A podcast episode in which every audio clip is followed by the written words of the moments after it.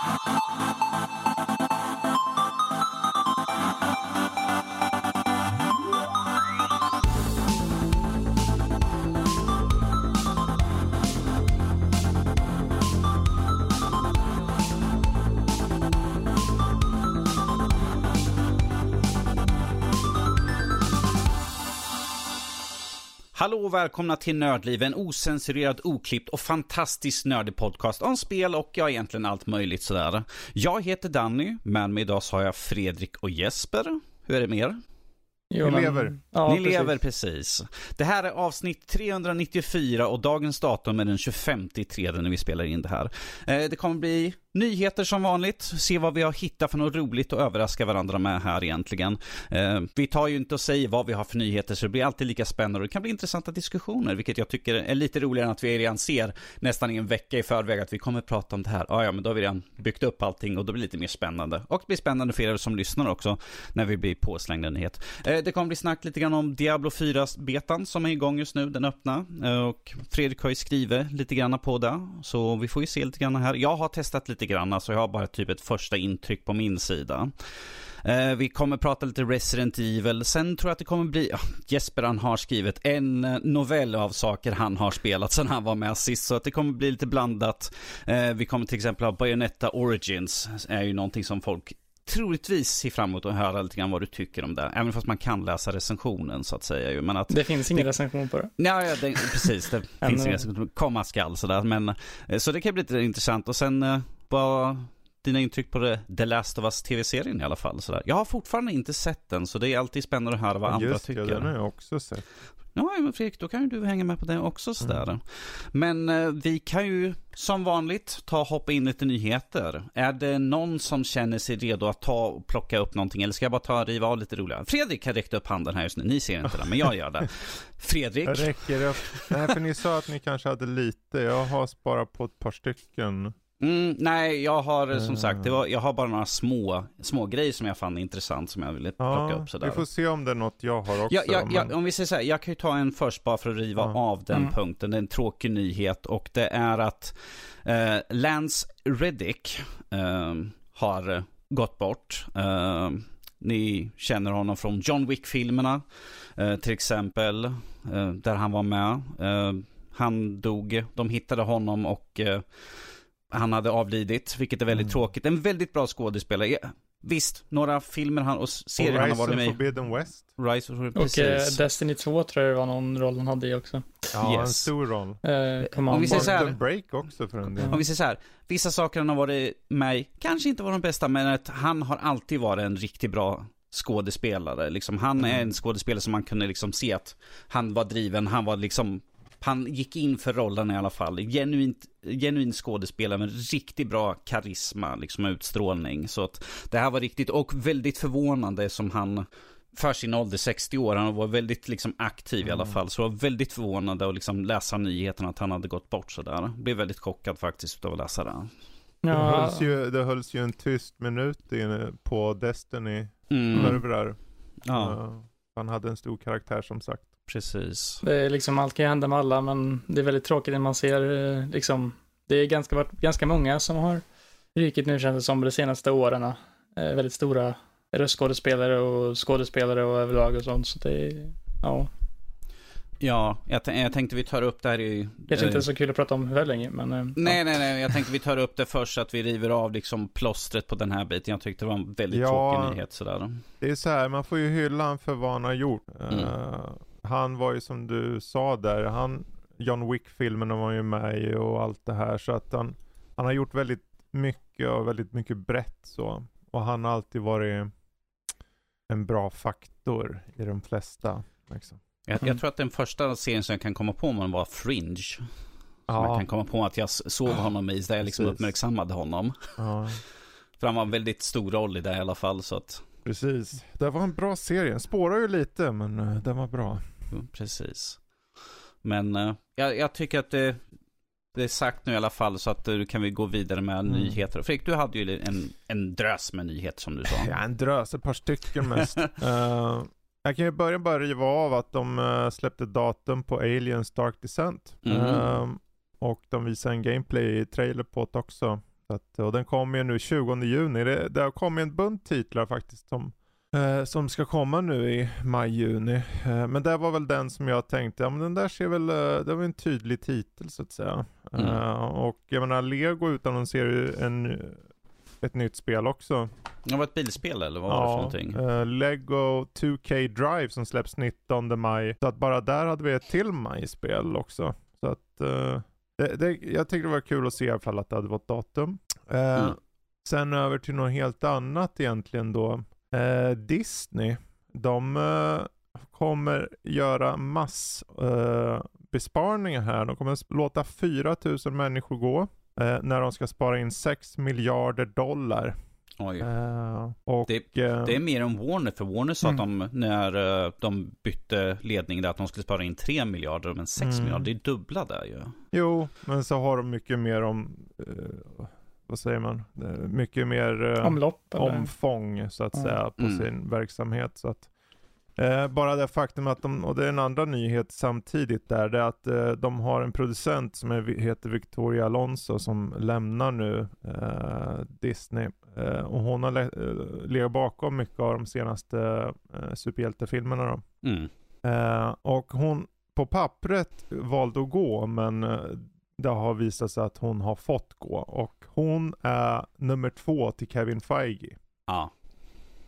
Så att, och eh, mång, i mångt och mycket är det nog den enorma floppen som är Ant-Man and the Wasp.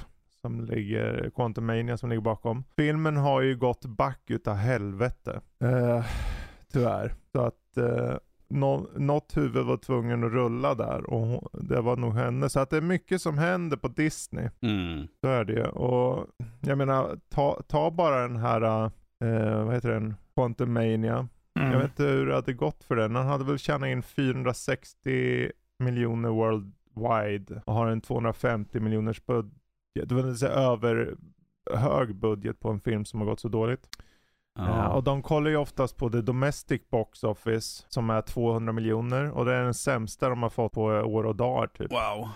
Men alltså det, det kan ju ha lite med också att den här filmen kanske inte är den mest hypade eh, Marvel-filmen sett till filmer som kommer och sen även Det är att, just det som är kruxet, för den var på förhand eh, tippad att bli en, en stor hit. För att Mm. den hade ganska bra snack om sig. Ehm, med tanke på att, ja men vilken väg kommer de ta? Och som det ser ut nu så, jag menar DC var ju länge, ni vet ju hur det var med Batman v Superman. DC Mm. hoppade rakt in och skulle nå Justice League nivå. De, de rushade. Medan Marvel då hade i början snacket om att ja men de tar sakta men säkert en karaktär i taget.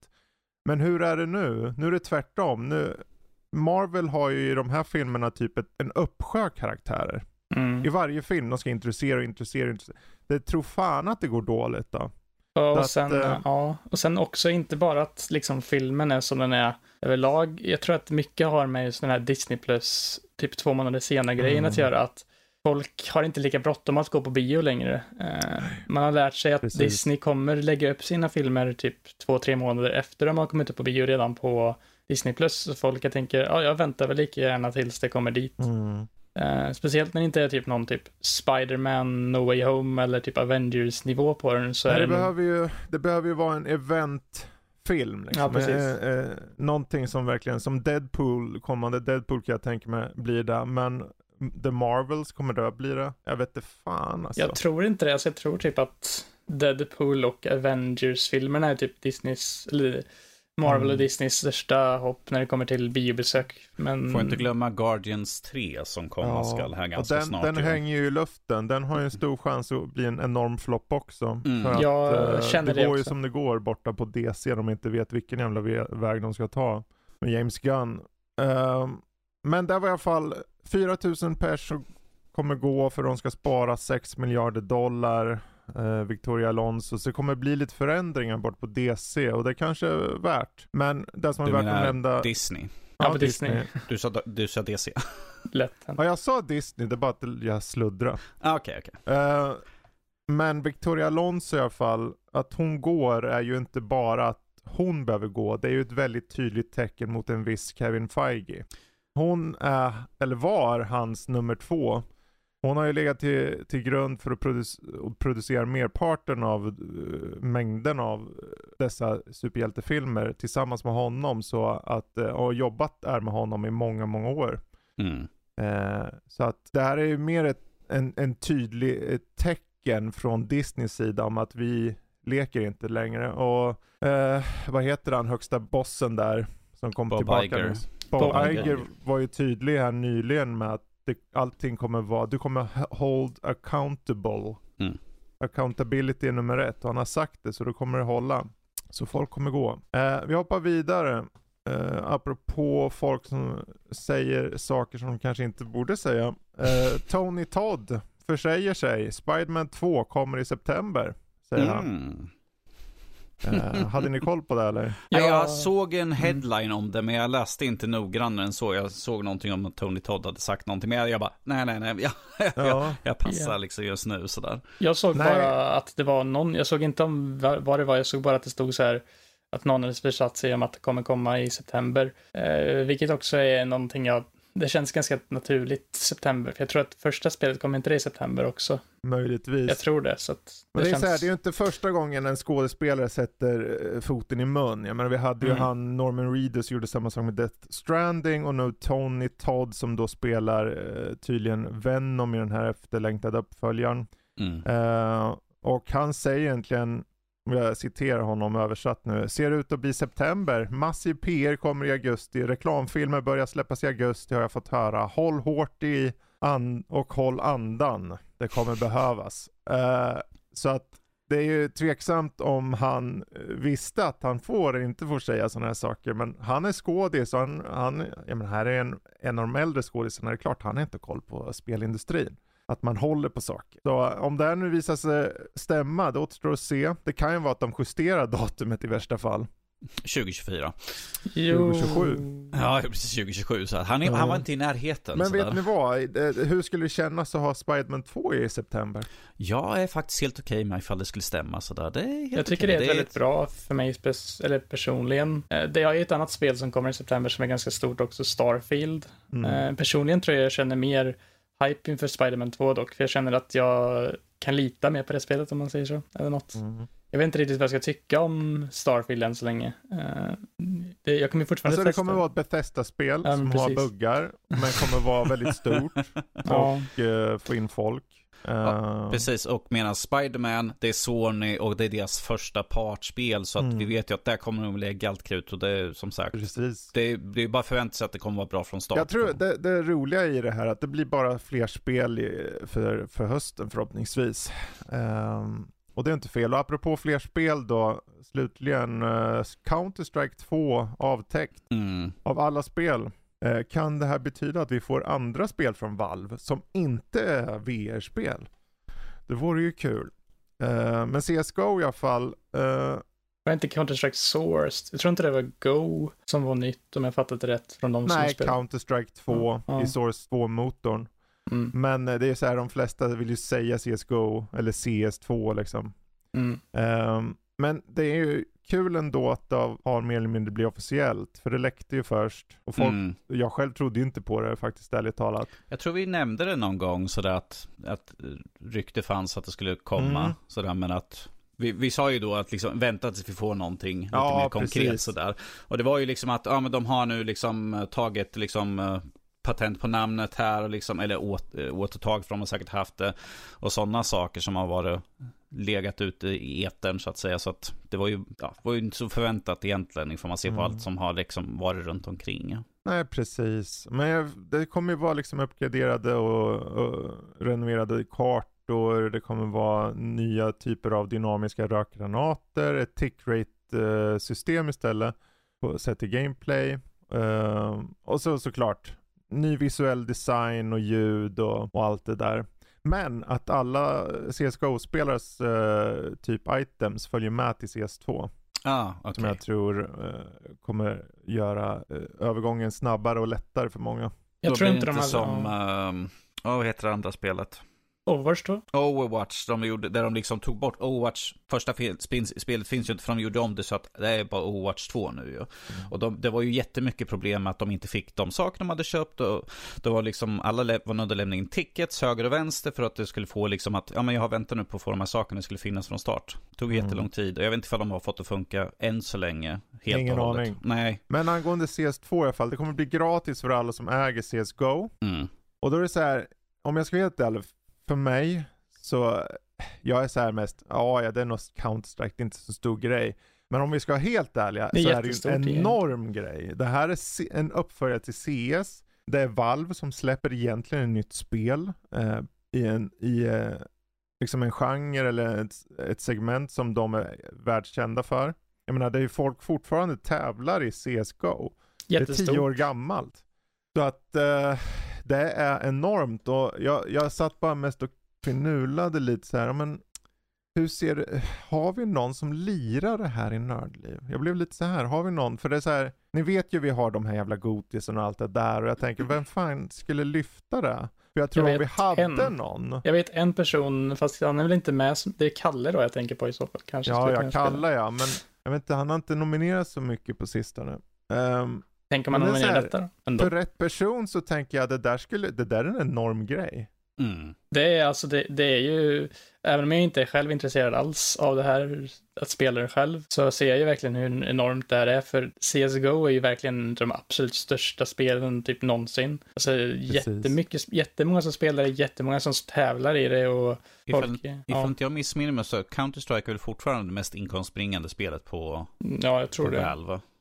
Dota 2 också tror jag är ganska så Fast det är mycket och, mer nischat. Och, och, återigen, det mest inkomstbringande jag har fem och det är ju gratis. Så att det, det är ju ännu, ännu större på den sidan då. Som det är många knivar. Det är precis, många knivar. Det vet vi många när Kalle, Kalle, Kalle pratade om det. Han bara, jag fick den här kniven, jag fick den här kniven, den är värd så här mycket. Man bara, okej. Okay. Jo, men eh, på grund av det där med värdet på alla de där items och sånt som folk har, så tror jag att det varit jättedömt om de inte hade varit med, liksom, att om de kunde få med sina items från eh, första spelet, eller från Go då till det här. Mm. För att det är så stort värde i allt de har liksom. Så att, eh, såklart man vill ha med det. Liksom. Det kommer ja. ju få mer spelare att bara direkt övergå till eh, Counter-Strike 2 när det kommer ut antar jag. Precis. Ja, ja, men det är kul. Uh, det är väl egentligen den, egentligen den sista. Jag mm. skulle bara nämna det att om ni mot förmodan använder Wii U så passa på att köpa spel. På måndag stängs butiken. Uh, den digitala butiken. Och 3DS. För, för Wii U och 3DS e-shop. Uh, så att uh, det, det, är så här, det finns ju några exklusiva Wii U-spel. Så jag tänker om ni mot förmodan har ett sånt och mot förmodan inte vet om det. Jag tänker att de flesta med Wii U nog vet om det. Men värt att nämna. Det är imorgon då i, från det att om ni hör det här på söndag när det släpps. Mm. Mm. Det... Då, över till nästa person. Ja, jag hade ju bland annat det där med Counter-Strike 2, men jag tänkte även säga att um, en annan nyhet jag hade det här var att Uh, Forspoken sägs ha haft en budget på över en miljard kronor. Uh, och uh, det har blivit lite så här, på grund av att spelet haft en så stor budget och spelet floppade ganska hårt jämfört med det så blev ju Luminous Productions på Square Enix disbandat eller så här, avsagt så att teamet bakom eh, den, alltså den studion som ligger bakom det här spelet och Forspoken och Final Fantasy 15 finns inte längre utan de är bara som en del av Square Enix som är istället. Mm. Jo, vi plockar väl upp det, för ja. vi nämnde det för förra gången. Men mm. de hade det, det där med exakta eh, datumet för, mm. eller exakta siffervärdet för där. Eh, sen även att eh, nu kommer faktiskt några spel från Playstation Plus Extra lämna eh, tjänsten i april 2023. Bland annat har vi spelet Too Dark. Eh, och i Europa här så är det ett spel som heter 428 Shibuya Scramble som inte kommer finnas kvar. Croylore Sigma. Eh, Gabucci, Marvel Puzzle Quest Dark Rain, Naruto Shippuden Ultimate Ninja Storm 4, Steinsgate Elite eh, i Europa, Caligula Effect Overdose, The Wonderful One of One Remastered och Sunky Zero Last Beginning. De här spelen kommer alltså inte kunna kommer vara med på PS Plus extra efter april 2023. Hmm. Eh, sen hade vi lite, en eh, panel från eh, PAX East angående vad eh, som eventuellt ska kunna komma till Final Fantasy 14 framöver. Eh, när Naoki Yoshida säger att eh, han gärna skulle vilja göra en eh, crossover mellan Final Fantasy 14 och Final Fantasy 16. Eh, vilket ganska självklart att det borde nog komma eftersom att han själv är med och utvecklar båda spelen. Eh, men det var egentligen det om det. Han sa att han tyckte det vore intressant att ha.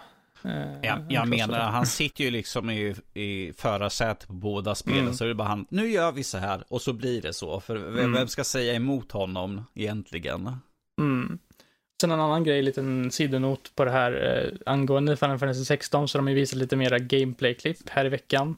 På ett av gameplay-klippen är att eh, Clive, huvudpersonen, går igenom en så här cliffavsats som är så här trång eh, och eh, kryper igenom den liksom som att det vore en laddningsskärm och det här har ju folk blivit helt tokiga på. Det ska inte finnas några laddningsskärmar på PS5 så folk har blivit rasande men det är väl liksom en naturlig grej i spelmiljön där tror jag dock, det de visade, men folk blir, eh, de tänker att det är en laddningsskärm mer än att det är en del av spelet.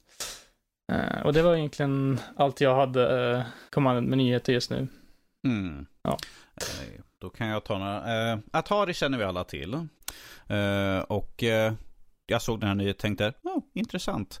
Eh, det är att Atari köper, ut, eh, köper upp Night Dive Studios, vilket är de som gör eh, System Shock-remaken. Eh, Eh, de verkar tydligen satsa mer på retro och System Shock är ett gammalt spel så det faller väl lite grann in utav det och folk spekulerar att det, det här uppköpet som tydligen ska vara klart i april att det är därför som att uh, System Shock blev försenat. eh, för Mm. att den här affären kom emellan sådär. Men jag tycker det är lite intressant att Atari fortfarande, visst, ja jag vet, det är inte Atari från förut, det är bara namnet folk har köpt, så ja det är inte de gamla rävarna sådär, men att i alla fall.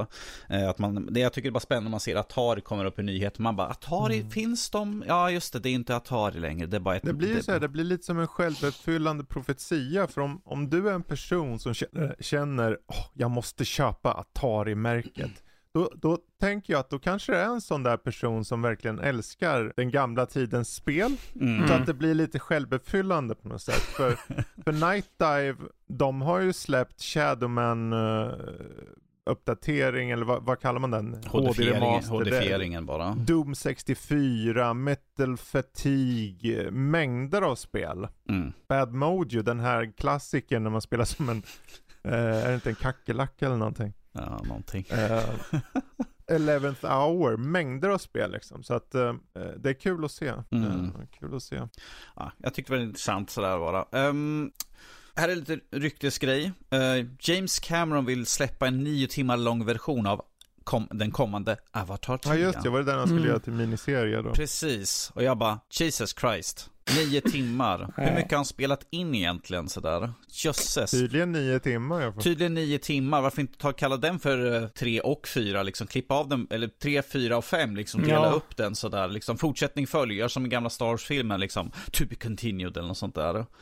Jesus Christ, jag menar, Det kan man ju inte ha, det är liksom nio timmar en bio, liksom, Det- alltså, den kommer ju på, den kommer ju Disney Plus. Ingen, bi, den. ingen bio skulle vilja ta, de bara, okej, vi har en film som går per dag, för den är nio timmar, den tar upp hela dagen sådär. Fast du vet, det där är ju intressant för vad, vad är, vi kan ju tycka vad vi vill om Avatar The Way of Water, men det är en av de senaste årens mest inkomstbringande filmer och Ja. eh, fjärde genom tiden eller vad det är.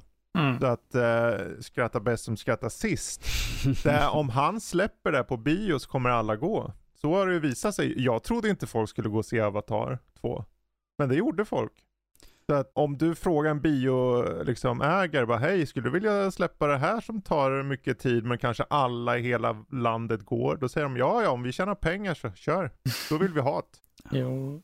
Alltså, men eh, då skulle kommer- de ju ja. behöva dela upp dem. Så här.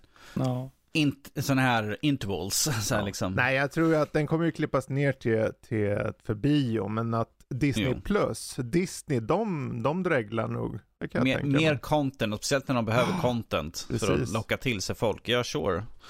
Um, Tänk om det skulle släppas på bio, nio timmars version och sen så vet inte, sen så är det många sådana här som bara går och, det är Avatar, jag kollar inte ens hur lång den är, jag Mm. bara går. Så bara de går in där och så Det är bara, så här, de, då, gör, då blir det ju som uh, Sagan om ringen-trilogin bara. De delar ju upp det i tre delar. Så får du se Ja. ett maraton om du vill, men hur många pallar det? Alltså man kan inte palla och sitta i nio timmar i sträck och bara kolla på Avatar. tror jag inte mänsklig. Men en, dag, en om dagen i tre Ja. dagar vet du. Det går ju. Och så täcker de upp tre dagar och ärligt talat biograferna går ju skitdåligt så Om vi säger så här, ifall de ska göra till seriedelar, gör typ en sån här vanlig, en typ sån här 45 minuters längd, då får du, Ja, då många jätte- delar. Då får du många delar utav det hela och som sagt, då kan de ju fylla Ja. ut mer tid som folk måste vara kvar på Disney+. Dyraste miniserien genom tiderna liksom. Oh ja, tänk, eh, tänk vad mycket panoreringar över vatten Tänk och hur allt många sånt där. knivar det är i CS. Ja, gud. ja, många knivar blir det. Mm. Åh gud, ja, Ja. jo. Ja, ja, men jag tyckte i alla fall det var väldigt intressant. Jag bara, nio timmar, Jesus. Mm. Eh, Om vi säger så här, ifall, ifall han har det för nästkommande film, vad har han egentligen på den filmen, den här Way of the Water egentligen? Kommer det komma en specialversion av den kanske också till Disney Plus sådär? Vill Jag inte ha den på nio timmar också typ? Jag har hört någonting att han vill ha den mycket längre. Han har alla på nio timmar, så fyran och femman, de är typ 18 timmar. Han bara, vi ska, vara, vi ska slå de föregående sådär. Jesus. Uh, här, är, här är en nyhet, det här är lite grann sånt här som... Eh, Fredrik och jag brukar prata väldigt mycket om studios och sånt där när vi brukar sitta på kvällskvisten och sånt där. Och en som alltid brukar komma upp väldigt ofta som vi säger att de måste sköta sitt, de måste få i ordning på sin jävla studio, de kommer bli uppköpta höger och vänster. Studion är såklart Ubisoft. Och nu har det kommit fram att Ubisoft ska låta AI skriva deras NPC-dialoger för att de ska slippa ha vanligt folk, alltså anställda som kostar pengar, som gör ett jobb. Det här är ett sätt för dem att spara in pengar, vilket de behöver göra för att om vi säger så här, Ubisoft blöder pengar, de får inte ut spel, vi sitter fortfarande och spekulerar, när kommer spel? Assassin's Creed Mirage som var u- utannonserad och har kunnat funnits att köpa i typ ett år känns det som, fortfarande inget datum. Eh, vi har fått spelsläpp, Settlers, som inte är en storsäljare egentligen, det är ett väldigt nischat spel, det är Mm. inte så stor publik, det Milt drar ju sagt. inte in massor med pengar och så kommer de med sånt här. Vi ska, eh, Ubisoft tar, och gör, tar en DLC och gör till ett fulländat spel. Det är lite deras koncept och de har sin A och B-upplägg, liksom att hur de gör. Och nu ska vi ha AI som skriver deras manus också. Det här Vi tycker jag... pratar, väl, vi pratade ju också om det eh, sist där med att eh, de hade eh, att det hade nämnts att de förmodligen går tillbaka till år till år släpp för Assassin's Creed. Att det redan hade, att det hade läckt fler titlar eller fler projekt som var Mm. under arbete och att det verkar luta mot det. Och det är inte konstigt då med tanke på att de blöder pengar. Men det är så här, det är en sån, sjunk, det är en sån spiral för att för varje gång de gör ett dåligt beslut så leder det till att de blir av med pengar mer. Mm. Och för varje gång de blir av med pengar mer så gör de ytterligare ett dåligt beslut. Mm. Och så går det runt och runt så att det är så här. Det, det känns nästan som dödsandningar på något sätt. Så här. Vad fan, kom igen nu. Dö. Ska ni dö eller inte? Kom igen. Ja, alltså det är... Dödsryckningar typ. Det känns som att Ubisoft verkligen typ så här varit väldigt mycket i sina skuggor, eller vad man ska säga, för jag har inte sett jättemycket från dem alls. Alltså Assassin's Creed Mirage, när de visade liksom, de har inte visat mer än någon liten cinematic och typ pratat om det. Jag tror det var i september ungefär, om jag minns rätt, eller Mm. någonstans där. Sen dess har de inte ens sagt någonting om det skulle komma någon gång i år. Det känns som att... Det skulle ha kommit nu på våren. På våren till och med, ja. eh, rapporten då, någon sån här kvartalsrapport Mm. de hade. Eh, Nu är det ju, nu är det ju, som sagt, vi är ju snart förbi den, så det blir ju nästa Ja. fysikaliska år. Fiskala. säga- Fiskala år, det vill säga fram till nästa april. Ja. eh, som spelet ska släppas någon gång. Och det kan ju betyda någon gång på vår, näst, våren nästa år. Det är Eh, så här, för deras skull, och det, har vi, det här har vi gått runt 40 gånger om, ni får ursäkta där ute, men det är så här, de behöver ju släppa något, för om ni inte får in cash, vad gör ni då? Ni kan ju inte banka på Valhalla i evigheter, det är fan två och en halv år gammalt nu. Och då tänker ju någon där ute, men det är ju grejen är knappt den- någon tid. De men, kan inte banka mer för att de är klara med det här spelet. De gör ingenting mer. De få som köper spelet, ja, de har ju nu en rea på alla Ubisoft-saker Ja. ändå ju. Så att de får in, kanske säljer något spel, men att det är rea-pengar då. så här, överlag så har det ju gått väldigt dåligt. Jag menar, Far Cry 6 vart inte den succé de hoppades. Mm. Valhalla är väl egentligen det som blev störst. Ja. Eh, och sen jag menar bara det faktum att jag knappt kommer på vad de har släppt. Vi vet ju att de släppt Extraction, den här Mm. Rainbow Six Extraction Mario förra plus året. Rabbids Sparks of Hope. Precis. Liksom bra spel, men det sålde inte bra nog. Nej. Och det är så här, det, ja. det har varit deras grej, att de, det har inte sålt bra nog. Något liksom. Eh, eller så, som Settlers som kom nu. Och jag är någon få som var, ja men jag kan, det här kan bli något, för jag gillar genren. Och till och med jag bara, varför har ni satt det här bakom online-tvång? Och då är det så här, Mhm. det, det, gör ingenting att det är online-tvång, men, men problemet var att du kan inte sp- fast, eh, vad heter det, man sätter på dubbel hastighet du vet och så. Ja. Ja. För att tanken är att du ska köra online med folk och du kan ju inte speeda upp spelet om du kör med någon i realtid. Så att, och det var bara en aspekt av många. Lite Så, eh, dåliga beslut återigen.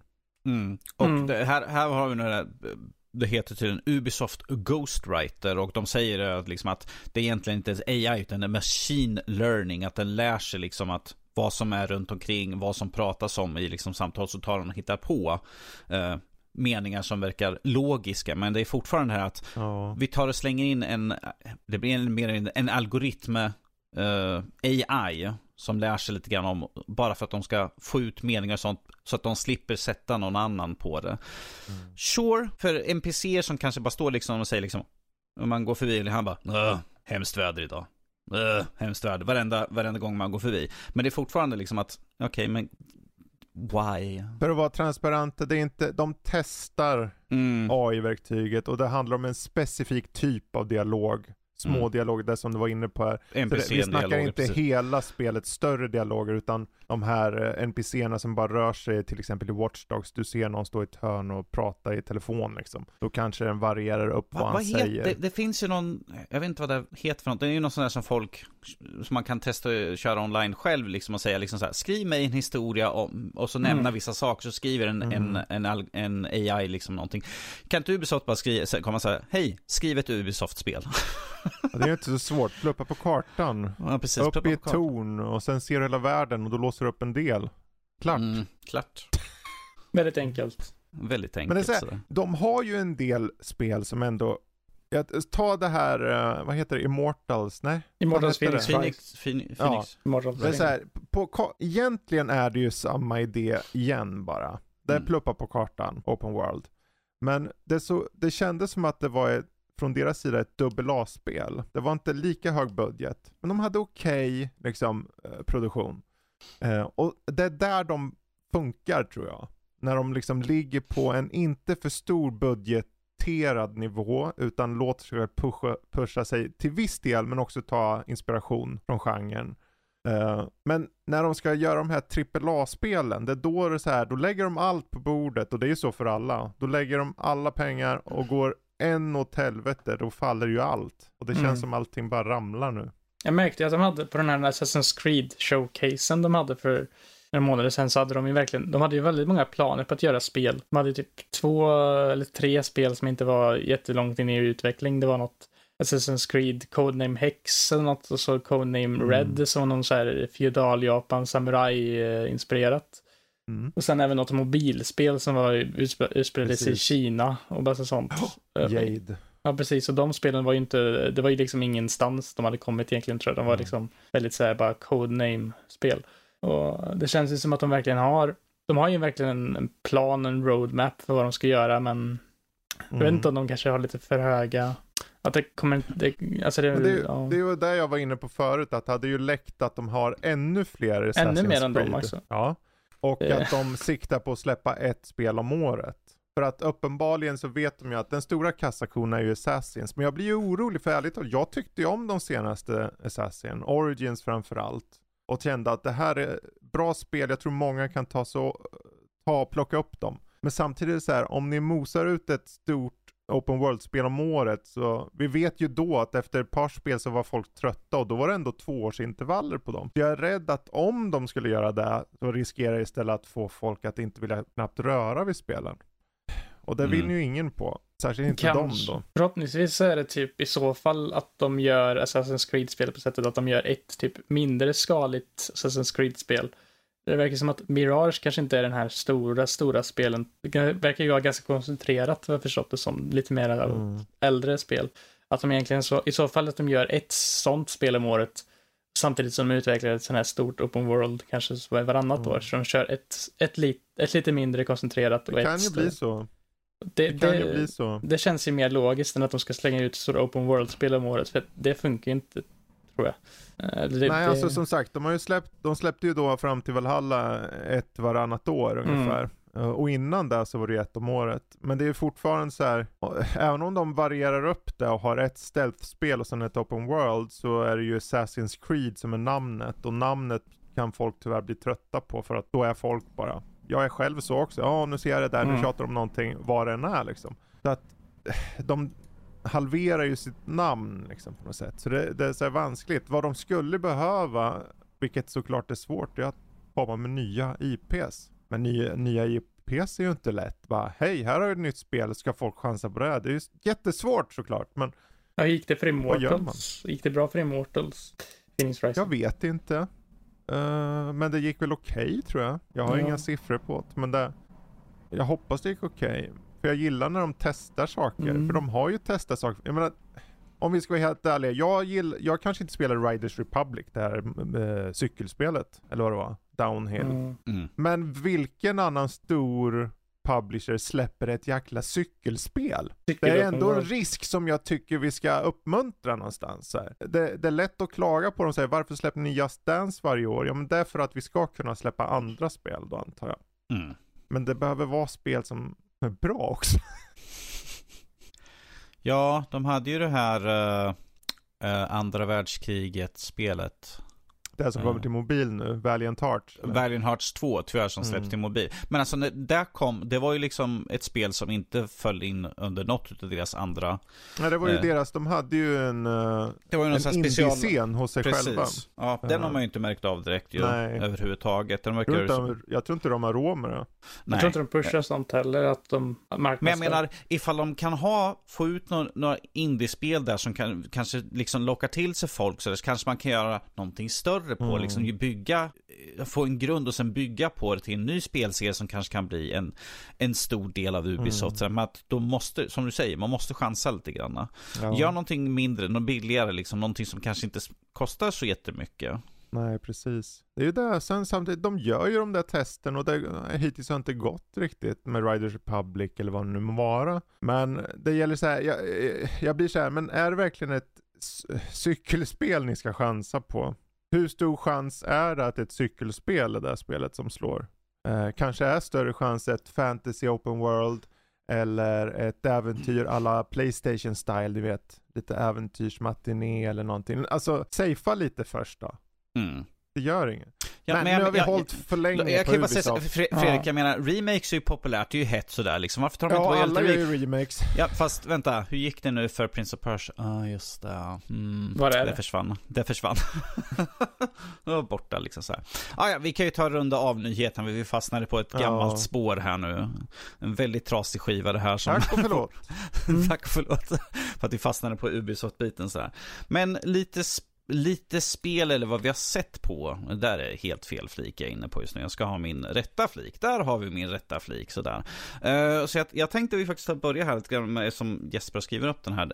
The Last of Us, tv-serien sådär. Ja, Vad är dina intryck utav den? Du har kört, du har kört spelen i alla fall? jag va? har kört spelen. Okej, jag var att dubbelkolla där så. Eh, Eh. Ja.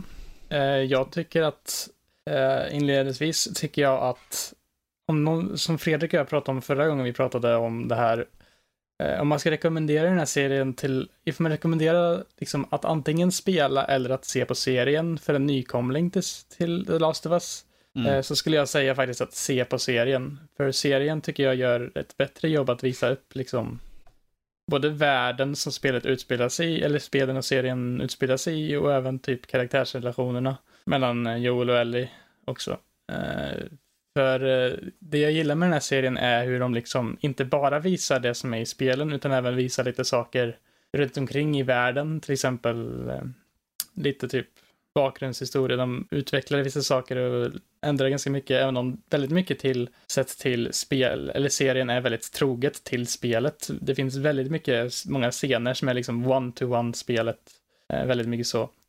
Mm. Eh, Så egentligen är det inte så jättemycket lag och mål så, så att det finns vissa saker som är lite så här halvt, eh, som egentligen var bättre i spelet, men jag tycker att det finns ändå en hel del grejer som var väldigt bra i serien.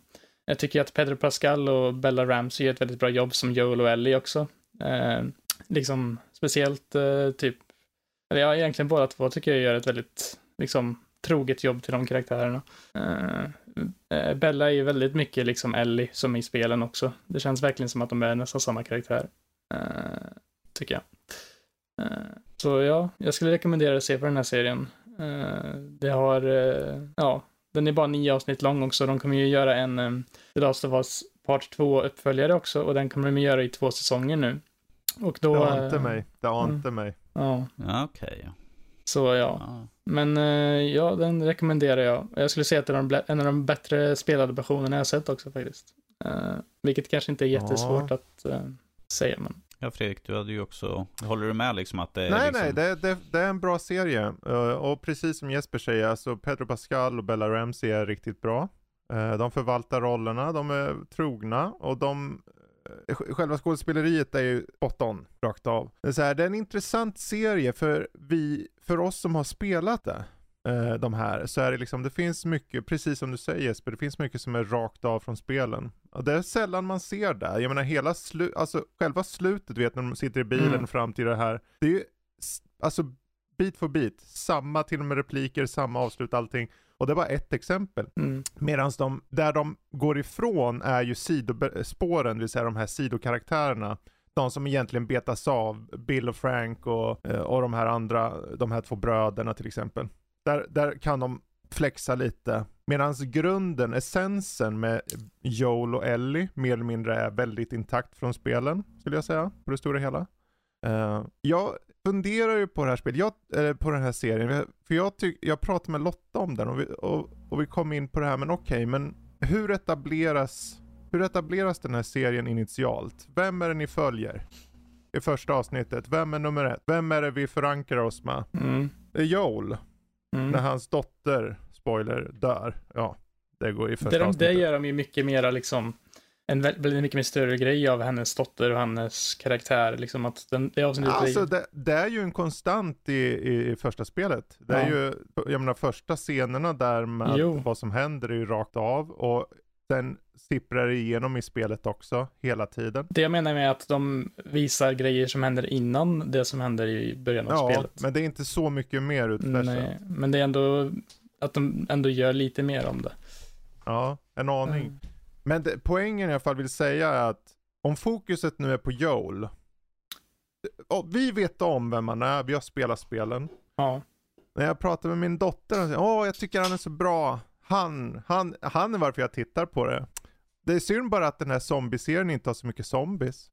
Och då tänkte jag på att, ja men vänta nu, vad är det de har gjort mycket, vad har de tagit bort mycket? Det är ju väldigt lite klickers, för vad de har ja. gjort egentligen är att de har ju tagit bort gameplay från tv-serien uppenbarligen, för vem tittar på en tv-serie och ser någon gå runt i mörkt och, och hacka en klicker i nacken liksom. Tre typ gånger i minuten. från bara. Sådär. Så självklart, en helt naturlig sak att dra ner på. Men sen blir det så här, okej, okay, då är det relationsdrama och då är det fokus på karaktäriseringen. Och när då, varför jag tar upp eh, min dotter var för att om hon då gillar Joel så är det ju frågan, okej, okay, men hur kommer hon ställa sig för säsong två då? Vilket då uppenbarligen, för, pratar inte vi Danny om det? Hur gör de med se, säsong vi, två? Vi pratade om det här eh, för inte så länge sedan. För då är det så här, då, då, då, var mitt förslag, antingen så har de flashbacks och skjuter på säsongen. Mm. För att de kan ju inte döda Liden. Nej, spoiler alert för de som inte visste om det här. Ja. Ah, ni är gamers som ni lyssnar här, ni vet ju det här. Där. Men det är så här, hur gör man det? Ja, ni måste skjuta på det, för ni kan inte döda Liden. För om vi ska vara helt ärliga, för gemene man, det är okej för oss två eller tre här som sitter och vet om spelen, har liksom det i huvudet. Men för någon som inte har koll på det, om man skulle då ha koll på en av de här precis i inledningen, det skulle ju, det skulle ju splittra publiken ännu igen. Precis som det vart splittrat i, i part 2. Mm. Och, sen, och sen det som vi sa då också när vi pratade om det var ju ett hur ska vi få liksom få Joels mördare att publiken som tittar på tv-serien ska vara sympatisk för henne. Ifall man inte har, som i spelet, flashbacks och sånt kommer mm. ju långt senare liksom i hennes storyline. Men att i tv-serier så är det bättre att ha liksom, visa liksom där, i, börja säsong två med typ hennes flashback. För att vi har ju slutet där hennes pappa Precis. blir mördad. Uh, eftersom Men han det, är inte då läkaren. gjorde de bra där faktiskt. För de, de hade i slutet av det här, i sista avsnittet, vi, vi snackar hela säsongen nu, så ni får vara med om att det spoilas. Har ni inte tittat så får ni... Jag har, inte, jag har inte sett den, men jag, jag har ju men kört ni, spelet ni vet, om, ni, om inte annat så är det, det är ju samma som i spelet. Ja. Så vad de istället gör, när han då bryter sig in och, tar, och fritar Ellie, så uppenbarligen skjuter han ju läkaren där. Eh, och de, de fixerar kameran på den döda läkaren, eh, lite så här håller på det. Så att eh, de, de sätter upp det mycket tydligare där, för det var ju inte uppenbarligen inte tydligt i första spelet, för jag vet inte ens om de hade det i åtanke vid det här laget när de gjorde det första spelet. Mm. För då skedde det ju bara. Men eh, jag tyckte det var, det var snyggt. Men överlag, alltså jag håller med Jesper, det var, det var en bra säsong. Eh, det var förväntat bra. Eh, bra skådespeleri. Jag tycker om också hur de lyckats balansera liksom VFX möter eh, scenografi och sånt där. Eh, det är snyggt gjort. Det är väl samma som har, eh, eller samma skapare som ligger bakom eh, serien Chernobyl väl? Är det inte det? Ja, det är han Mm. Mason. Ja, precis. Han, Och det- han och Neil Druckmann har gjort tillsammans. Eh, och det är ju de mer eh, Ali de, Abbasi tror de, jag. av, de avsnitt som går ifrån en del från original, det har i regel varit Mason medan eh, Neil Druckmann har skött några av de här mer ex- bit on bit avsnitten. Ehm, men det har gjorts bra. Men cinematografin känns lite likt på vissa sätt, hur de sköter vissa saker med ljussättning och sånt. Ja, Det är ju lite, Craig Mason eller vad han heter, det, det går ju handen i handsken för honom det här, för det här är ju dystopiskt igen eh, efter en, eh, en katastrof. Så att... eh, lite olika eh, på andra sätt, andra sätt men eh, Jo, Ja. men det finns en, sin, en sinnesbild där som är ganska liknande. Och det är fokus på karaktärer, inte katastrofen riktigt. jo men precis, det är ju båda två. Ska, ska bli intressant att se vem de castar som Abby för nästkommande säsonger Mm. då. För att vi måste ha en skådis som kan till synes spela en skitstövel med att ha ett, ett genuint, liksom, genuin motivation till Ja. varför hämnden kommer. Precis som Joel mördar ju folk höger och vänster utan liksom, liksom lyfta på ögonbrynen så att säga. Och i, i det här fallet så är det en väldigt personlig hämnd för henne så att säga. Ja. Men att det, fortfarande som i spelet så var det liksom att hon mördar Joel liksom i första, typen först, första stunden sådär egentligen. Och sen ska man spela som henne och man bara, hur ska jag Mm. kunna få sympati för henne liksom? Nej, det är, och alltså- plus att hennes bakgrund och förklaring kom ju så mycket långt senare så det kändes som liksom att ni borde ha tagit det här tidigare. Liksom, Det ge väl mig det, det är just hint. det, det var kul att du sa att de har satt upp det i två säsonger, för de kommer nog dra ut på det. Mm. Eh, De kommer säkert ha liksom tiden mellan säsong 1 och 2 där ett tag och sprida ut så att de får bygga lite mer på Joel och sen få det som sker ske. Mm. Ehm, men apropå just sista avsnittet där, för det var väldigt tydligt rent dramaturgiskt att de hade valt att porträttera eh, Pedro, Pedro Pascal var ju väldigt mycket eh, nästan seriemördar on go där på Mm, slutet. Så, det sa du också när vi pratade om det här. Precis, han var så här, det var tydligt, för det är så här, du som filmmakare eller tv-seriemakare så, så kan ju välja hur du vill porträttera den händelsen.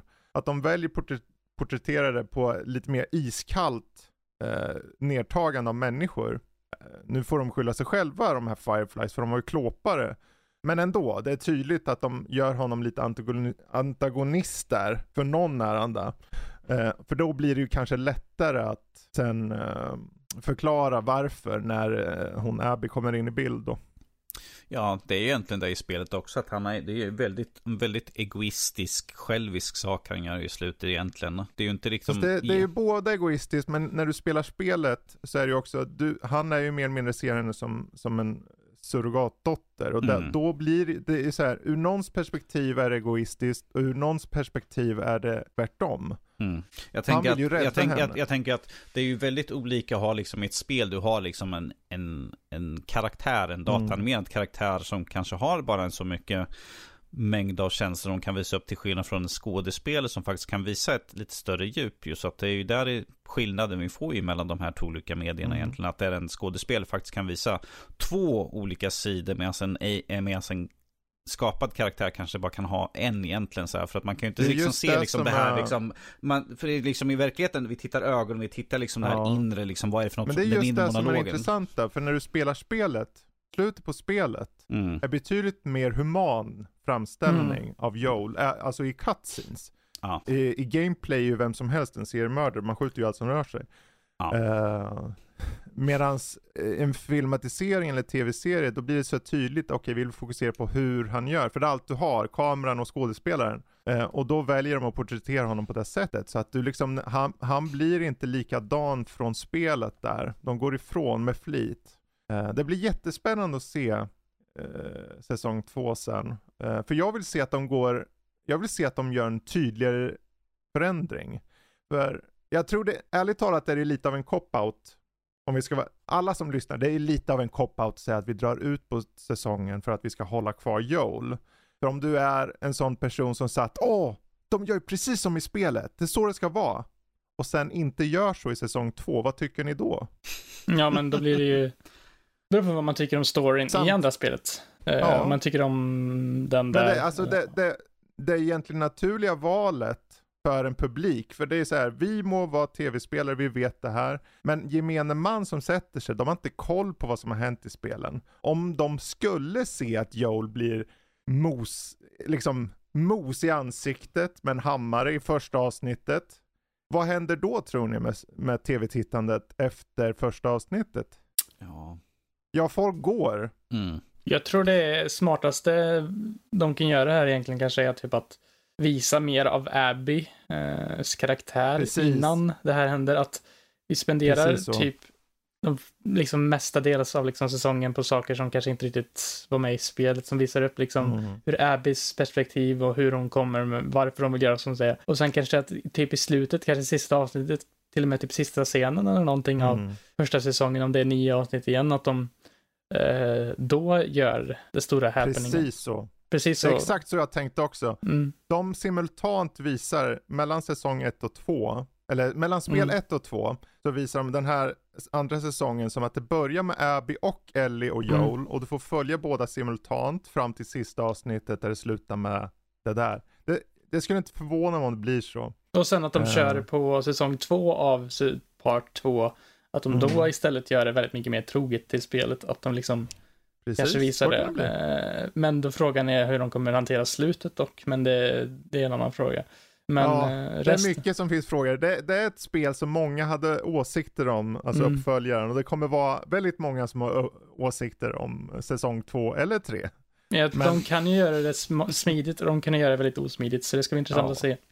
Verkligen. Vi går vidare. Ja.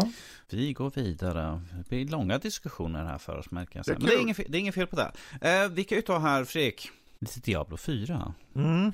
Du körde ju på den stängda betan först. Yes. Och nu är det, just nu så är den öppna beta, men den kommer vara slut på söndagen. Ja, eller måndag morgon. Eller måndag, morgon eh, fram till 18 bru- tror jag det är. Okej. Måndag. Eh, de har så amerikanska tider. Vad är dina intryck av spelet än så länge då? Ja, jag vet ju att folk har mimat på serverproblematiken, det vill säga att du får stå i kö första dagen. Men hur kan det vara kö bara för att det här är öppen beta och första dagen och alla vill in? Hur kan det vara kö? är det, det är ju som att ni testar servrar. Ja, det är där det är till för.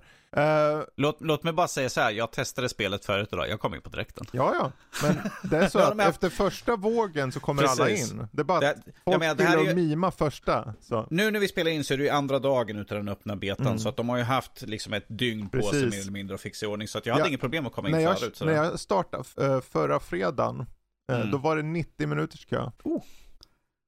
Sen ett par sen- timmar senare var fem minuters kö och sen så var det ingen kö.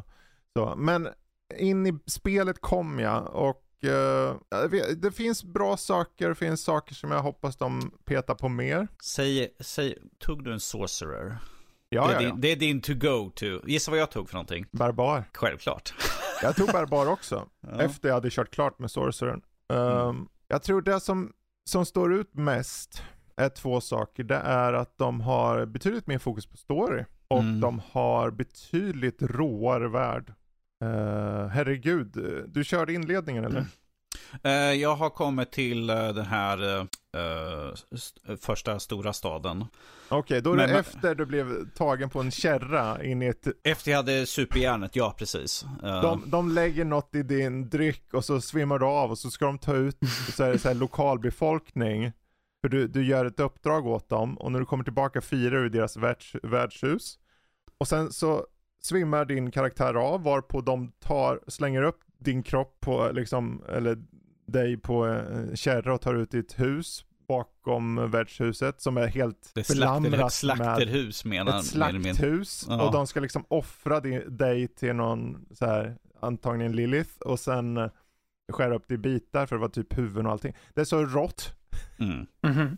och det börjar så, men eh, annars så det är mycket som, eh, det jag tycker är mest intressant för min del är just hur de har valt med skilltreet. Uh, för att den här gången så skilltreet betydligt mer, du väljer en väg och då får du välja, alltså då är du fast på den vägen. Eh, I trean, Diablo 3 så var det mest, kör du bara level 50 då har du allt. Liksom. Mm. Men här så, för varje gång du placerar ett poäng så ökar du möjligheten att nå eh, en högre nivå. Eh, och då kan du välja, okej ska jag lägga ett poäng i den högre nivån, då kan jag inte lägga någon poäng i den, på någon av de här förmågorna som jag hade i, i nivån innan. Så att du måste hela tiden välja. Och när, vissa av de förmågorna har liksom så att det skjuter ut en slags två förgreningar. Väljer du en av de två förgreningarna, då låser du den andra. Då kan du inte använda den andra. Mm. Så att det, det gör det hela tiden. För mig så blir det mer enticing. För jag känner, okej, men då betyder det att varje karaktär jag gör, om jag tar olika vägar, då är jag satt med den vägen. Och då blir det min karaktär. Medan om jag, jag kan refunda förvisso. Fre- Fredrik, Fredrik, inte för att gå tillbaka till Ubisoft-diskussionen, men det är inte som Valhalla där du i slutändan har liksom alla, alla. Jo, precis. Men det är ju så de hade i. Diablo 3 också. Mm. Och för mig blir det utvattnat lite så här, för då är det så mainstreamifierat eller konsolifierat, eller hur man vill säga det. Ehm, så att jag känner, men nu blir det lite mer så här, det blir min karaktär. För i, i förra spelet så var ju alla Sor Wizards, barbarer eller whatever, efter högsta nivån så var de ju alla de hade ju alla samma förmågor och allting så, så att det var Mm. lite tråkigt. Här kommer det potentiellt, nu fick man får ju bara köra till level 25. Mm.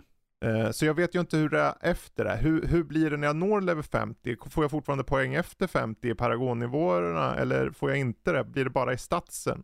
Sådana saker. Eh, det vet jag inte. Men eh, jag tyckte om det i alla fall. Eh, jag blir lite så här, okej men hur kommer det funka med den här open world aspekten? Eh, jag tyckte den här biten av kartan som jag utforskade var väldigt eh, intressant. Men jag blev så här, men jag tyckte ju mycket om den här slumpmässiga aspekten av världen som var kanske i tvåan. För om Mm. de har sn- snackat om att det här ska återgå lite till tvåan, men har en open world som är mer satt, kommer jag bli trött på det då? Kommer det bli repetitivt? Nu vart det aldrig det i betan, för jag var så här, så länge jag hade en nivå att nå, så var det alltid, jag vill ner och mosa, jag vill hitta här, eh, någonting hemligt här och så vidare. Och små Åh, ett berättelser. utropstecken. Det är någon som har ett uppdrag. Bäst jag går och pratar med den. Ungefär, men framförallt att det hela tiden var den här extremt ödesmättade känslan. Allting är ju för jävligt i världen och alla kommer vilja döda dig på något sätt känns det som. Är det typ El- Elden Ring eller? Ja, du jag fick lite Elden Ring-vibbar av atmosfären bara, inte Mm. rent gameplaymässigt. Även om du har faktiskt typ en rolla, eller vad är det, en dash-funktion nu.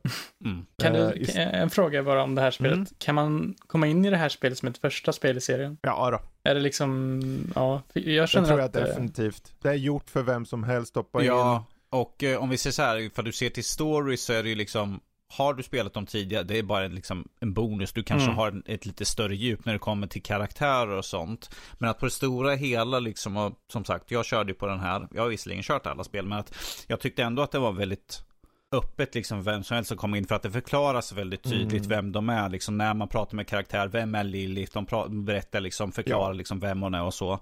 Eh, så att det, det känns som att det är lite mer eh, för vem som helst att kunna komma in i historien. Och gameplaymässigt, om vi ser till egentligen Diablo gameplaymässigt så är det väldigt simplistiskt Ja, ja, egentligen. herregud. så att det, det är inget sånt här komplicerat Nej, på det den är ju- biten. Jag tror, det har, egentligen har ju alla delar varit där, för att varje del börjar med en ny karaktär som Mm. i sig aldrig är med från den först, från föregående, för att hela poängen är att du väljer en klass och gör något nytt. Så att det har alltid för varje del varit att det är ett nytt äventyr med en ny karaktär och, och att spelet vet om att det är en ny karaktär så att säga. Um, men det, ja, det, jag vet inte, har du några intryck av det du kört då, eller? Eh, jag tycker det känns nice. Än så länge så att säga. Eh, det känns, det känns väldigt rätt i alla fall. Uh, ifrån känslan liksom bara sitta och spela spel. Jag körde både med kontroll och jag körde med mus och tangentbord mm. bara för att testa liksom hur det var med de olika. Jag tyckte att liksom, ja, det känns, eftersom det är Diablo så känns det rätt att sitta med, med mus och tangentbord. För det är så jag spelar de tre tidigare spelen. Men att med, kon, med handkontroll funkar det lika smidigt sådär. Mm. Uh, visserligen, det fanns ju inte några så här jättebra inställningar när man gick in och kollade på Uh, på options och sånt där. Jag var okej, okay, det här är uppenbarligen inte riktigt fixat med ännu sådär. Uh, men att det flöt på det, jag kunde liksom slåss och strida och liksom använda mm. förmågor och sånt. Um, så att på den biten så är, känns det ju väldigt bra. Jag tycker om liksom det estetiska i spelet, så att säga. Den här mörka tonen. För att det är ju någonting som alltid har varit där. Vi pratar om slutet på världen mer eller mindre. Med, när den största ondskan ska ta över allting. Det är kampen mellan helvetet och himlen mm. som det alltid har varit i spelen egentligen. Så att. Det har alltid varit en sån överliggande historia Precis. med änglarna och jo. demonerna som slåss mot varandra. Det, det, det trean gjorde var ju att den gick till en lite mer cartoony style av något slag. Lite mer, eller cartoony, lite lättsammare, lite färggladare. Uh, och den, den funkade så sett till det typ av gameplay som var där. Vad de gör här, att det nästan så här, ärligt talat så tycker jag att det dröp lite av så här uh, skräckelement. Och det var tydligt med, jag menar, en, ett sidouppdrag till exempel, en kvinna som vill ha hjälp. Mm. Hon försöker hitta sin man. Okej, okay, jag letar väl upp hennes man och han hittas upphängd i händerna, flodd, levande. Och lever än och är glad för det, för han eh, SOM-varning deluxe, va? Han, han älskar det som har hänt med honom och hon försöker, vad håller du på med, vad har hänt med dig, åh nej. Och det är så här, ah, det är bara kört för han, för han, han är han är kultist typ nu och han är flodd och hänger så här. Det är helt sjukt. Och det är bara en liten sidoberättelse där. Det, det där kändes lite Hellraiser-varning. Ja, ja, ja. Hela sådär. Det är så här, ja, genom alla de här små det är klart att många av de här sidouppdragen blir lite så här, ja du går hit och sen ska du prata med någon och sen kommer ett monster. Mm. Eh, för att det är Diablo. Men samtidigt så har de fört in den här skräckelementen som framförallt märks, ta bara eh, introscenen, du har en häst, du kommer till en plats, du går av hästen för att undersöka någonting eller vad det var. Var på någonting drar in hästen i skogen och dödar den och du går in med fackla och tittar i cinematic style nu.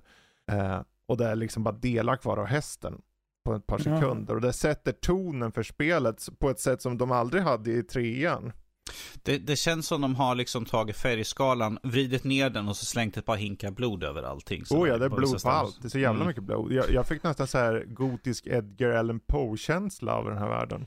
Uh, men det är så här, det här är ju fortfarande bara beta, det fulla spelet. Jag, jag är så här, jag är försiktigt optimistisk. Uh, jag hade gärna sett mer möjligheter till att förändra karaktären. Förut så kunde man ju addera, förvisso kan man ju på i trean och så kunde du, när du nådde paragonnivån så kunde du även addera på statsen, till exempel willpower och intelligence och sånt. Mm. Här så adderades de bara när du gick upp i nivå automatiskt, i alla fall på de normala nivåerna. Och då tänkte jag, men om ni nu säger att ni ska vara så här detaljerade i skilltreet, varför inte gå hela vägen och ha det även på statsen. Jag vill, jag vill kunna höja upp min styrka så att jag liksom bara Folk exploderar när jag petar på ja. det, är jag, det är så jag alltid har kört liksom. Jag vill ha, jag ja, är en barbar går... för att han ska vara stor, stark och han ska liksom mosa Jag märkte allting. det, eh, nu faktiskt efter uh, jag hade skrivit den där förhandstiteln, att uh, när du går upp i nivå så är det baserat på vilken klass du har. Så att de stats som går upp är de som är bäst för din typ av klass. Mm. Så att om du är en barbar så går du upp aningen mer per nivå i just styrka. Medan om du är en uh, sorcerer så går du upp mer jag, jag, i jag, så, jag såg att de hade gått ut med att de ska buffa barbaren för att det har tydligen, han har fått tydligen mycket klagomål att han inte har känts tillräckligt barbarisk. Så mm. de ska mm. tydligen buffa den karaktären för att han ska kännas mer korrekt för ja. vad han är för någonting. Så. Vilka klasser finns det i spelet? Fem kommer det finnas.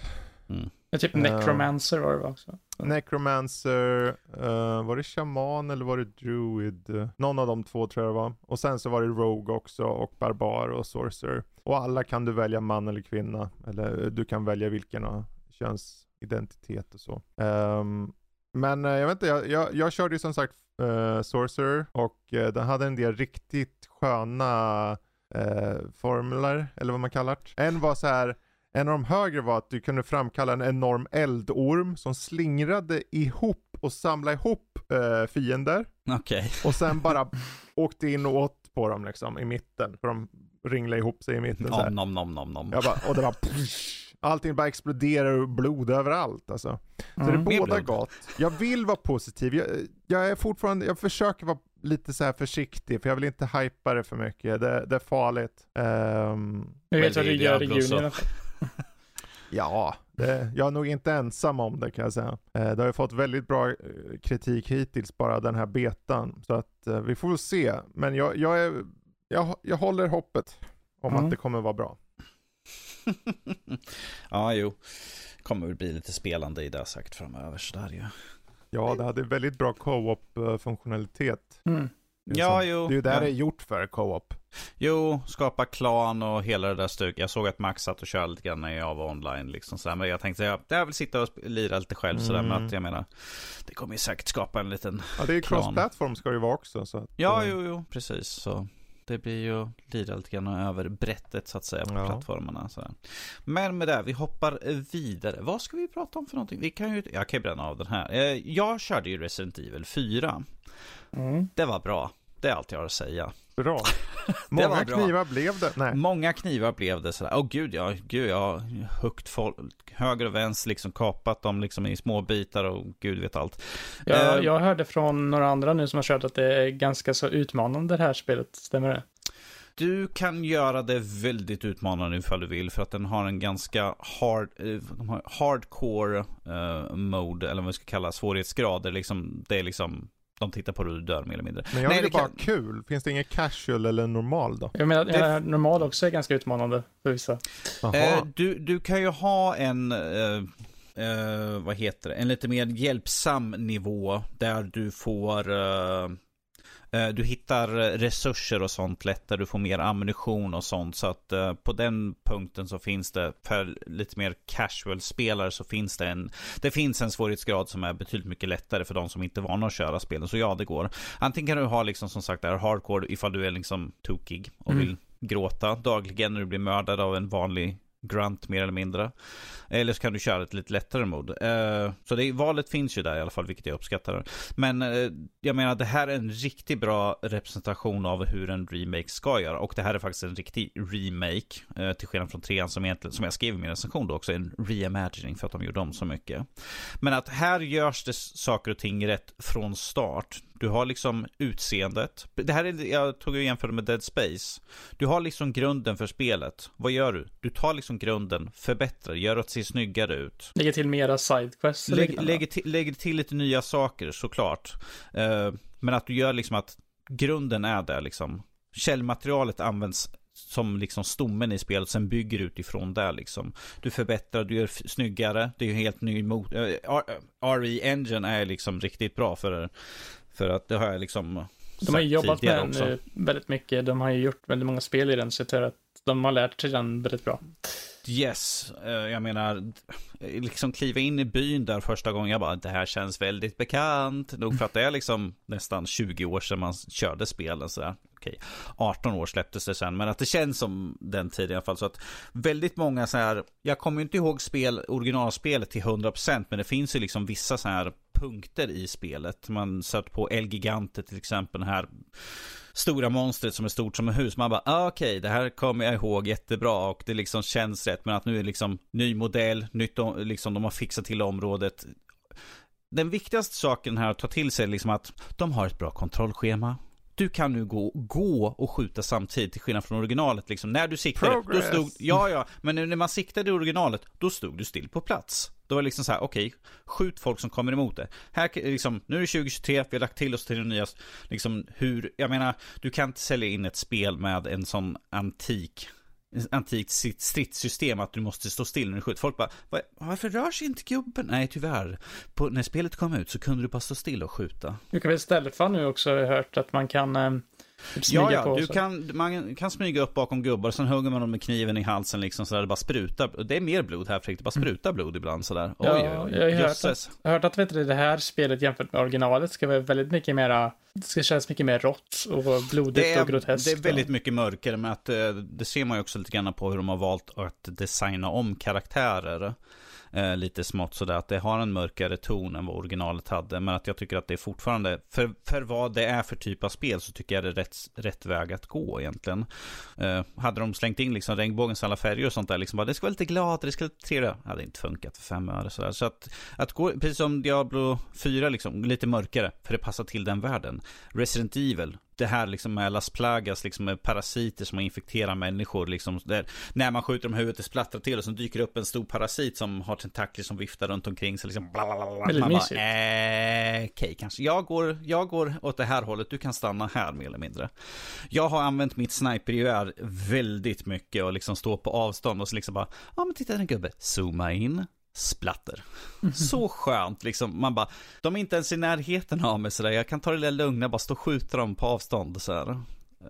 Dock gäller det att ha som vanligt liksom full koll på sin inventory. Liksom bara, oh shit, jag har inte så att jag kan göra, va, äh, göra ammunition liksom. Så att jag kanske ska gå tillbaka till min pistol. Vilket i, i sig är väldigt bra när man har uppgraderat till maximalt och bonusuppgraderingen. Så kan man bara skjuta skallen av folk höger och vänster. Det är väldigt trevligt spel det här måste Det jag är säga. väldigt mycket actionfokusering på just det här Resident Evil. Ja, det här var ju spelet som gick, tog Resident Evil från enbart skräckspel till action, mer action än skräck nästan. Eh, nu med den här så skulle jag säga att det är mer action-skräck för att om man går tillbaka lite grann på eh, skräckelementen, men det är mer på den estetiska sidan och, och hur saker och ting eh, ser ut egentligen. Så att det är mer action. Eh, för att det var det som gjorde att fyran blev en sån hit egentligen. För att det gick ifrån det här fasta statiska vinklar till liksom nu är du helt frigående kamera snett ovanför axeln.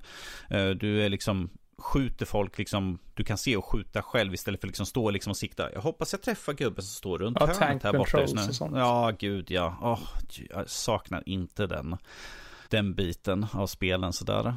Faktiskt, men att jag menar historien är intakt. Visst, man har rört om lite grann i grytan liksom på själva historien, när, hur saker och ting händer och sker på vissa saker. Men att i grund och botten så är liksom allt finns där. Är det bara Det är rent tidsmässigt? En sak Det- kanske sker lite tidigare eller Ja, senare. de har flyttat om på lite saker, men att sa- elementen finns fortfarande kvar i historien. Så att det är inte att de har tagit bort. Precis som de sa, att vi kommer inte liksom ändra om, utan vi kommer ta det som vi har och liksom förbättra. Det är, då är det ju en remake också. Då är det ingen reimagining som är trean, utan då blir det liksom att vi tar det som finns, kanske ändrar lite, lägger till Mm. nya aspekter som de här uh, sidequests och En combat. reimagining är ju att du, du tar och gör bygger upp spelet helt på nytt, men att du ändrar om jättemycket. Som till exempel Resident Evil 3. Hela slutet är ju omgjort mer eller mindre. Här Är har hela liksom, början också om, eller? på trean. Ja. Jag kommer inte ihåg vad treans intro är för någonting. Ja, Final För Fantasy jag har 7. för mig att det bara var vissa delar på trean som var... Alltså det är väldigt mycket i trean som har omgjorts. Så det är därför jag säger att det är egentligen en reimagining. Det är inte en remake, det är en reimagining. Men sak Ja. samma. Medan här är liksom, du har fortfarande allting kvar. Men att du kanske har flyttat om på några kapitel lite så att säga. Mm. Så det är fortfarande, faller ju fortfarande under remake-klassificeringen där ju. Mm. Men Ja, om alltså vi- om det är samma berättelse så är det ju intakt liksom. Ja, precis. Det är bara lite grann hur de har, när de har satt vissa saker så att Mm. säga.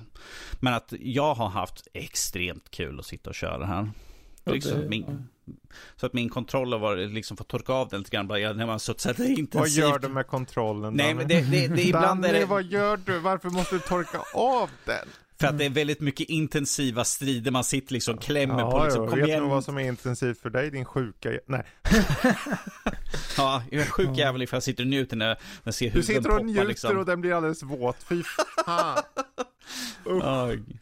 Usch ja. Vad är ja, det för precis. spel du har spelat? Ja, Ja. herrejösses.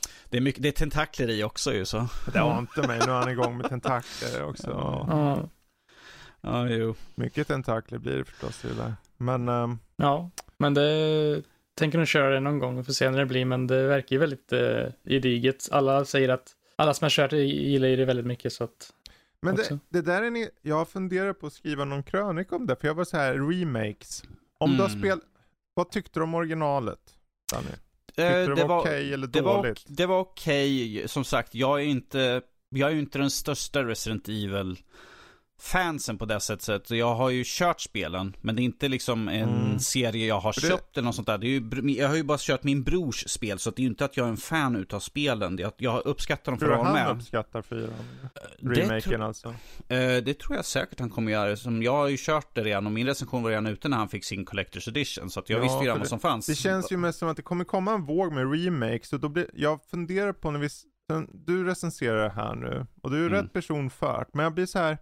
Men om man mot förmodan, det är som med Last of Us-serien, om du, har, om du har spelat Last of Us-serien, är skulle man säga då att du är färgad av att tycka om det redan för om, om du redan älskar det? Jag har hört dock lite så här tvärtom just i det här spelets sammanhang att många som är väldigt stora fan av um, fyran originalet säger att de Ja. tycker att det här är, inte håller upp på alla sätt det är på samma klass som uh, originalet för dem på vissa sätt. Men, Men, är det eh, en majoritet eller en minoritet som säger det är nog en...